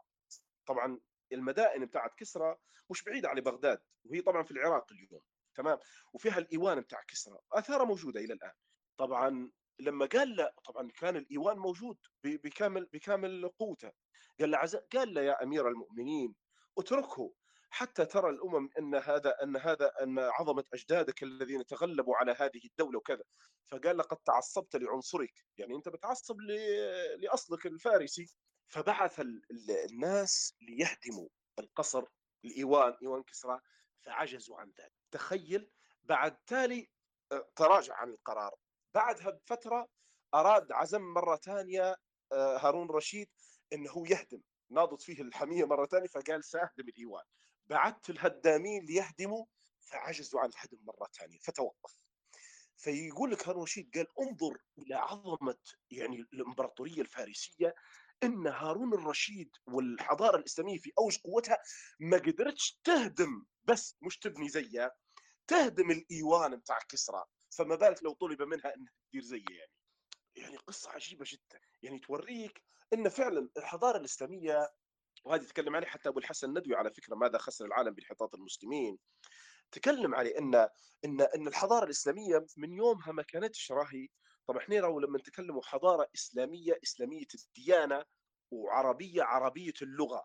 مش مقصودنا عربية الأصول وإلا كل الأصول دخلت فيها. وإسلامية الديانة من ناحية إن هي إن هي مشاربها إسلامية وإلا كثير منهم اللي في الحضارة ينتموا لها قد يكونوا نصارى ويهود يعني. فهي حضارة إسلامية بالمعنى العام وعربية بالمعنى اللغوي في الكتابة يعني. المهم ف... فيتكلم عليه مثلا حتى أبو الحسن الندوي المعنى هذا ويقول إن فعلا الحضارة الإسلامية عمرها ما كانت راي حضارة تقنية صناعية كذا وإنما صحيح. هي حضارة أخلاقية. حضارة أخلاقية. ولذلك لما ضعفت حضارتها الأخلاقية راه العالم خسر كثير جدا جدا جدا وانهارت مبادئ العالم. يعني كان في صوت ضمير له قوته يعني في العالم يعيط ولما يصير حاجة مثلا أخلاقية يبدأ يقول لا يا جماعة ما يصيرش الكلام هذا. أها ليك قوتك ووزنك. يعني بينما توا أنت العالم الإسلامي مثلا لما يشوف حاجة أخلاقية وحتى يدوي عليها مالكش قوتك ووزنك أنت فلذلك العالم مش حيهتم بها يهتم باعتراضك يعني. ولو كنت أنت فعلا لك واحترامك في العالم لكان لاعتراضك وزن ودور. صحيح بارك الله فيك شيخ سالم. والله فعلا هو موضوع الحضارة هذا يحتاج حلقة بروحها لأنها وحاجة بسيطة بس في موضوع الحضارة أنا زي ما حتى أنا شاكر أنا شاكر بارك الله فيك. لا لا والله شيخ سالم شوف نقول حاجة. والله بارك الله فيك على الغلطة اللي درتها بكريكاي إنك درت الواحد. لكن نعم. فتحت المايك. والله فعلا استمتعنا وفي في الحوار هذا اليوم معك. إحنا سامحونا طبعا عطلنا إحنا على أساس رو... أنا للأسف مواعيدي ديما ملخبطة نقول لكم ساعة ونص نقول خاش في الساعتين. فلكن تو حناخذ مداخلتين ثلاثة مداخلات في الأخير وإن شاء الله نختم بها. آه، أخت رشا تفضلي بعدين صفية إن شاء الله. رشا تفضلي الكلمة معك. السلام عليكم. صوت واضح؟ واضح جدا. ما شاء الله الله يبارك في الشيخ آه، وكل المداخلات. آه بالنسبة لي أنت بدي تقول أن لما نطلع موضوع الحفظ نطلع موضوع الحفظ. أنا بالنسبة لي نشوف فيه يعني هذا الواقع يعني أن الحفظ يعني هو بوابة بوابة لل... لكل العلوم تاع القرآن لمصاحبة القرآن لأي شيء في القرآن الحفظ هو البوابة الأولى للموضوع. زي ما قال بك الشيخ فتحي في ال... في طريقتهم تاع في المتون. يعني المتون الحفظ هم يخليك تتذكر يعني أسهل من القراءة العادية. يعني لما من صاحب القرآن مثلا آه، تجربتي يعني. قبل لما كنت مثلا نجي نقعمز بروحي نقعمز مثلا نقرأ نقول يوم ودي مثلا قراءة يعني عادية مثلا نقرأ مثلا اليوم حزب أو نقرأ خمس صفحات. هو عبارة عن نقعمز بنقرأهم في اليوم وخلاص. نجي نبحث على تفسيرهم مثلا وخلاص ومشت يعني اليوم هذا قريتهم مرة واحدة وخلاص. بس الحفظ شن شن الاستلزامات متاع الحفظ يستلزم إنك تكرر وإنك تقرأ قراءة صحيحة وإنه يكون عندك ورد باش تحافظ على حفظه هو. فأنت مثلا في اليوم باش تحفظ مثلا الآية بتكررها قريب يعني مثلا في اللي يكرر حتى بالمئات وفي بالخمسين مثلا بالعشرة. أنت لما بتكرر الآية هي مثلا عشرة عشرين خمسين مرة شوف قديش مرة بتمر عليه عليه رأي يعني في أفكار وقديش مرة بتقراها. وخلال الأسبوع بعدين خلال الشهر وبعدين بترد بتراجعها. فهي بتتكرر في على راسك أكثر من مرة بتخليك كل مرة بتفكر بها بطريقة معينة. ف من واقع تجربتي يعني من لما نقرأ في القرآن وبديت نحفظ يعني. سبحان الله في آيات مثلا لما كنت نقرأ فيها في الورد العادي متاعي يعني هيك ما ركزتش عليها حتى وقت تفسيرها خلاص مرت اليوم قريتها مثلا شهر أو ختمة رمضان وهيك. بس لما بديت نحفظ مثلا الآية نكررها عشر مرات نكررها مثلا خمسين مرة نوقف ونقول كأني أول مرة نقرأها يعني. من كثر ما تكررت على راسي هذا مرات ف نوقف ونقول سبحان الله أنا هذه قريتها من قبل أصلا على خاطر تكررت. إن عندنا هلبة عوامل خارجية مؤثرة. ما تخليناش نركزوا. لكن التكرار اللي في اللي في الحفظ يخلينا نركز وهذه الحاجة المميزة يعني اللي في حفظ القرآن. آه، حاجة ثانية الحفظ القرآن يستلزم أنت حافظ خليك تستذكر يعني. آه، مثلا يصير مثلا موقف. إن إحنا عندنا مثلا شخص مش حافظ أو شخص ما يقراش القرآن كويس يكون عنده زي فصل. آه، فصل القرآن عن الواقع. يعني يجي مثلا يقرأ قصة يعني خطاب للرسول في القرآن أو هيك يقرأ فيه كأنه للرسول فقط للعصر هذاك فقط.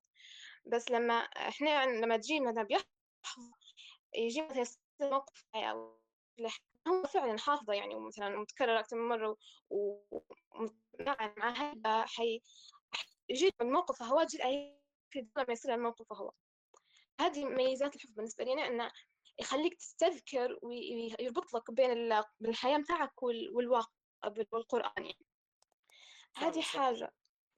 إيه من بكري أنت قلت أن في يعني علاش القرآن مثلا لمناسبات خاصة في ال- في المجتمع. هذه القصة متاعت أنه هو الفصل القرآن عن الواقع. مثلا لما صارت لما تكون متى فترة تطلع قضية فلسطين وغزة وهيك قلنا بحثوا على التاريخ متاعها وهيك ما نجوش مثلا نقول شو موقف القرآن في الموضوع. هذه نقطة من النقاط مثلا شخص يعني مثلا يكرر في القرآن أكثر من مرة ويحفظ فيه وهيك حي على طول حيستذكر القصة متاعت آه، يعني الذكر لقصة بني إسرائيل وفلسطين يعني في القرآن فحي القدس يعني فحي يربطها على طول وحيجي يبحث عن الموضوع من منطلق قرآني يعني. هذه نقطة وأن البيئة المحيطة يعني لها دور كبير يعني. مثلا في- صح في مش أنا نقولكش أن كل الحفاظ هيك صاير معاهم يعني كل الحفاظ يصيرهم هيك هو كله توفيق يعني واستعانة بالله يعني ودعاء بس البيئة المحيطة لها دور يعني في حفاظ يحفظوا بس إنهم بيحفظوا وبيقروا وخلاص و... بس في إن البيئة متاعهم هيك مثلا واحد يمشي يحفظ في المسجد مثلا يقرأ آيات في القرآن مثلا في المسجد مثلا يقرأ آيات الحجاب في المسجد ويحفظهم. بعدين يروح مثلا الحوش مثلا بيجي بيقول هل أنا نطبق مثل آيات الحجاب هي؟ آه بيربطها مثلا بأهله وبالأسرة متاعه بيجي بيطبق ما يخلوش مثلا. ففي هالبحاجات إنه هو الفصل القرآن عن الواقع والبيئة المحيطة هي اللي إحنا عايشين فيها لها دور. مع هذا مش إنه يعني البيئة يعني الحمد لله يعني فيها خير يعني هلبة يعني الحمد لله. وهادو نقاطك بسرعة بسرعة اللي جو على بالي والباقي منهم يعني. الأخوة الآخرين بارك الله فيهم. بارك الله فيك يا رشا فعلا والله يا بارك الله فيك وخاصة نقطة الحفظ بقى أنت أثرتها وخاصة موضوع الاستذكار أنك أنت تستذكر الآية في موقف معين ويبدأ زي نوع من الاستشهاد بها. يعني صار موقف تتذكر الآية تبتك في ذاك القصة. زي ما قلتي مثل موضوع فلسطين تتذكر الآيات كلها تجيك مع بعضها كانت تخليك الصورة تشوف لها من جديد. ففعلا أنا معك في النقطة هذه وبارك الله فيك. صفية تفضلي. آه أنا نحب نجاوب هيك بطريقة على قد يعني على السؤال الأخير كيف ن- نحولوه بطريقة عملية فعلا القرآن؟ آه من غير يعني من غير ال- الآيات الآيات البسيطة اللي ما تحتاج أي تفسير ولا أي يعني أي إنسان بسيط يقدر يفهمها. زي مثلا لن تنالوا البر حتى تنفقوا مما تحبون. لو إحنا ناخذ الآيات هي ونحاول نحطوهم كأهداف إحنا زي تو في علم النفس يقول لك الحاجة اللي تشوفها قدامك عندك فرصة 80% أكثر أنك تطبقها. فبطبيعة الحال القرآن هو شوف قديش آية. مستحيل أنت في حياتك حياتك اليومية بتركز عليه كل على كل آية. لو الإنسان ياخذ كل مرة يحط تركيز على آية مثلا ناخذ الآية هي آه لن تنالوا البر حتى تنفقوا مما تحبون نقول نسبة هو نبي فعلا نركز على الشيء هذا.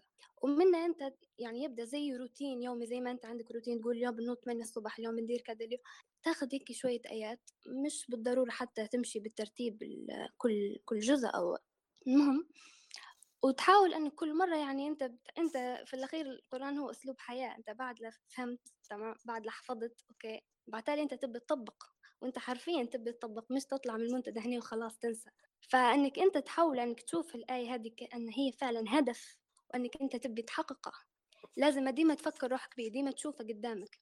وهذا من هنا إنك أنت ديما تقرأ في القرآن علاش؟ لأن كان هذا واحد قرا وحفظ وتم خلاص ما عادش يحتاج يقرأ تاني. ذكر فان الذكرى يم- ذكرى تنفع تنفع المؤمنين. آه، هذه مداخلتي بس بكل بساطة يعني إن نحولوه إلى أهداف كأنه to do list يعني تاخذ هيك شوية آيات تقول أنا نبي نطبقهم. وتحاول كل إنسان طبعا شوية شوية واحدة واحدة يلقى نفسه أنه هو مركز يعني حاطة هذه الآية كأولوية. تبدأ تبدأ الحاجة الأولوية فعلا إنك فعلا أنت صح. في كل موقف تحاول أنك آه نبي نطبقها الحاجة هي. آه لا يحب الله الجهر بالسوء من القول إلا من ظلم. تبدأ أنت في مجلس حاط الآية هذه أولوية. من مثلا أولويات الأسبوع هو خلاص نشد لساني كل مرة ما عادش نقدر نقرب. لا يحب الله الجهر بالسوء من القول إلا من ديما تقعد في بالك. وشوية شوية بإذن الله يعني إن شاء الله نحولوه فعلا إلى أسلوب حياة مش بس كتاب للحفظ وللفهم. شكرا. بارك الله فيك صفية. شكرا شكرا شكرا جزيلا. بارك الله فيك. حنعطي مداخلة أخيرة لأخت رحاب عيسى وحننهي بعدها الحوارية اليوم. أخت رحاب تفضلي. السلام عليكم. وعليكم السلام ورحمة الله. آه، بداية بارك الله فيكم. استفدت جدا جدا من من كلام اليوم ومن من أي كل مداخلة استفدت منها الحمد لله. الحمد لله. آه، أنا من بدري بنجاوب على سؤال شنو كيف آه، كيف نطبقوه القرآن ونخلوه كيف نعملوا به. لكن رشا قالت حاجة سمحة اللي هي شنو؟ حسيتها مهم اللي هي اللي يحفظ القرآن مش نفس اللي يقرأ فيه وخلاص. ليش؟ لأنه يكرر. إني لما وحدة تحفظ ثمن في اليوم الآية الواحدة حتكرر عشر مرات خمسين مرة.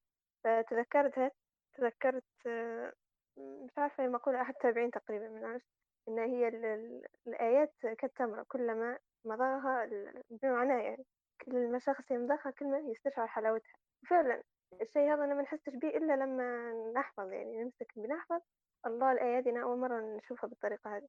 مش كيف اللي يقرأ آه، الجو يعني كل جمعة وكل نذكر حتى في واحدة المجالس واحدة قالت لي إحنا باهي اللي نقرأ في كهف يوم الجمعة يعني.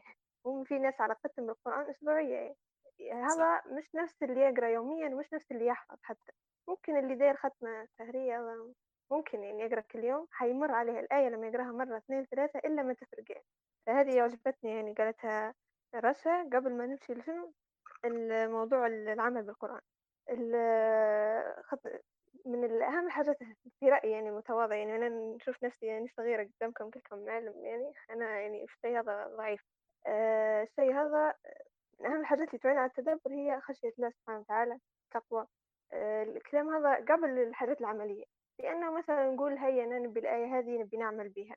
مرات فعلا نقول عارفة إن ربي يبي إني ندير العمل هذا من الآية هذه وأنا مش قادرة نديرها. ليش؟ لأن مفيش مفيش استحضار لعظمة الله مفيش مفيش خشية مفيش تقوى مفيش خوف من الله من عقابه مفيش طمع في جنته مفيش مفيش تقوى مفيش الجو هذا ما, ما يمشيش الحال. لكن واحد كيف يحصل يحصلها التقوى؟ برضه بالقرآن يعني مفيش من فرق. إن إن هذا القرآن يهدي للتي هي أقوم هو اللي يهدينا يعني. سبحان الله. سبحان الله. تذكر حتى أو كذلك هني استحضارنا للقرآن الكريم كلام الله حتى قالوا كم مرة. لما نقدر نقرأ في القرآن نستحضر أن كلام الله شيء عظيم جدا. طبعا مش حي ديما يكون حاضر في ذهني. نذكر يعني في من الطرق اللي في الحفظ آه، لما نحفظ السمن نصلي به. آه، نقعد نحكي نقول آه، نحكي لأختي نقول لها الفرق وين؟ إننا نقف أمام الله سبحانه وتعالى ونقرأ عليه كلام. فأنا نقعد فيه هيبة يعني إننا نغلط والله إننا هذه المرة الوحيدة استشعرت إنه هو كلام الله فعلا. أنا أقرأ في كلام الله أمام الله. أما قبل عارفة إيش كنت ندير يعني كنت أصلي كنت مش عارفة لكن هذه المرة الوحيدة استشعرت فيها آه، تكرار بعد نكرر نجي بنصلي بيها أحس إننا أمام آه، بين يدي الله عز وجل. استحالة ننساها يعني اللي نغلط فيها آه، استحالة ننساها لأني قريتها أمام الله عز وجل.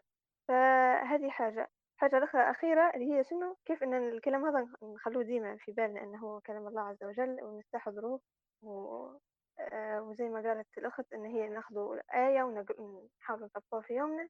هي إحياء مجالس التدبر باختصار يعني نحس إن هذه الطريقة الوحيدة اللي اللي حتخلينا ديما مستمرين. آه، وذكر فإن الذكرى تنفع المؤمنين لأن أنا اليوم نبي نعمل. بعد شهر نلقى روحي ناسية الهدف يعني. فلما يكون مح- محاطين بصحبة صالحة ويعني هذه دعوة لأي وحدة يعني تبي تبدأ تدبر القرآن تبي تعمل به ما ترجعش تقول هل في مجلس تدبر؟ نبي نخش فيه أنت أصنع المجلس بروحك كلمي صحباتك نحن بنبدأ بت- في تدبر. طبعا التدبر له قواعد وله والتدبر بعد التفسير. نحن في الحقيقة حتى ما نقولهم بتديروا مجلس تدبر نلقى روحنا نقرأ في التفسير.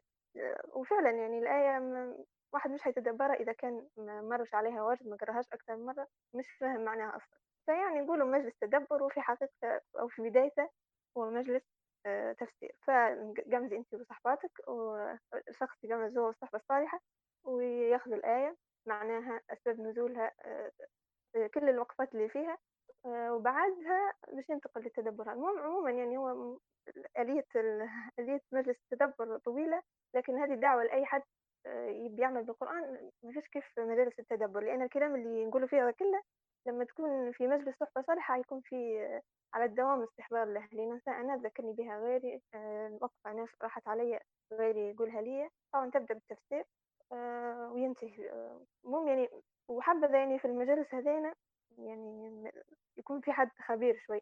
يعني مثلا جهزوا أسئلتكم بعد كل مجلس وكان في شيخ على النت أو كذا تسألوه قول له نحن أشكل علينا واحد اثنين ثلاثة غير ما شخص يقول لا نحن مش نخش على التدبر نحن مش فاهمين نحن مش أهل للشيء هذا. يعني كان ديما عندي هاجس أنا مش أهل ديما حاطة راسي إني أنا مش أهل لل- للتدبر ولا للتفسير فأنا نبي نعمل به شو ندير؟ اللي عليا والسؤال اللي ما نعرفش نتأكد هل كلامي صح ولا لا نسأل خبير. فأي حد يبدأ بنفسه يعني يمشي يكلم أصحابه ويبدأ ما يرجعش يعني. هذه الخطوة عملية المفروض تندار يعني. بس يعني الحمد لله. بارك الله فيك بارك الله فيك أخت رحاب جدا والله كانت ختام وختامها مسك بارك الله فيك. ملاحظات في مكانها وتعقيب جميل جدا. حاجة بس أخيرا نحب نأكد, نأكد عليها نقطة اللي هي ممكن ذكرتها بسياق أنا نحاول نسيقها بسياق ثاني اللي هي يقول له آه، التحلية التخلية قبل التحلية. يعني عملية أنك أنت كيف تخلي القلب تنظفه من الشوائب. باش بعدين إن شاء الله ربي لما تحاول ترجع للقرآن الكريم آه، فهمك يزيد البركة تزيد فيه. وفي مثال يشبه به هو لعل تقريب فقط. هو يقول لك لو فرضا في كاس يعني مالقي أو شيء أو مثلا كوب كان مثلا كان فيه مصبوب فيه مثلا بنزينة ولا نافطة آه، وبعدين أنت بتجي تصب فيه حليب. فضروري تتأكد إنك أنت الطاسة هذه مية في المية. تخليش فيها قطرة. لأن لو كانت في قطرة واحدة حتلوث الحليب بالكامل لما تصبه بعدين. فهتشبيه فقط هو صح يبان قاسي لكن بدنا نحاول نستحضر ديما الموضوع هذا. وإن شاء الله ربي يعيننا نحن نصفوا قلوبنا من الأمراض القلوب كلها الحقد والغل والحسد والحاجات هذه والذنوب والمعاصي جميعها. وإن شاء الله ربي يفتح علينا من انواره وبركته في فهم القرآن الكريم وينعكس على يعني في حياتنا وفي سائر أمورنا. بارك الله فيكم على استماعكم. شكرا لكم إنكم صبرتوا معي وفت الزمن سامحوني لو فت الساعة ونص اللي المفروض نكون فيها. كان حوار شيق جدا. بارك الله فيكم. ملاحظة أخيرة طبعا زي في نهاية كل حلقة يا ريت في نهاية بعدين لو ترجعوا للمنتدى في رابط للاستبيان يا ريت تعلقونا مشاركتكم آرائكم اقتراحاتكم أي شيء شفتوه إيجابي أو سلبي بحيث نحاول نحسن من البرنامج بتاعنا أسبوع بعد أسبوع إن شاء الله. شكرا جزيلا لكم. سبحانك اللهم وبحمدك أشهد أن لا إله أنت أستغفرك وأتوب إليك. والعصر إن الإنسان لفي خسر إلا الذين آمنوا وعملوا الصالحات وتواصوا بالحق وتواصوا بالصبر. والسلام عليكم ورحمة الله وبركاته.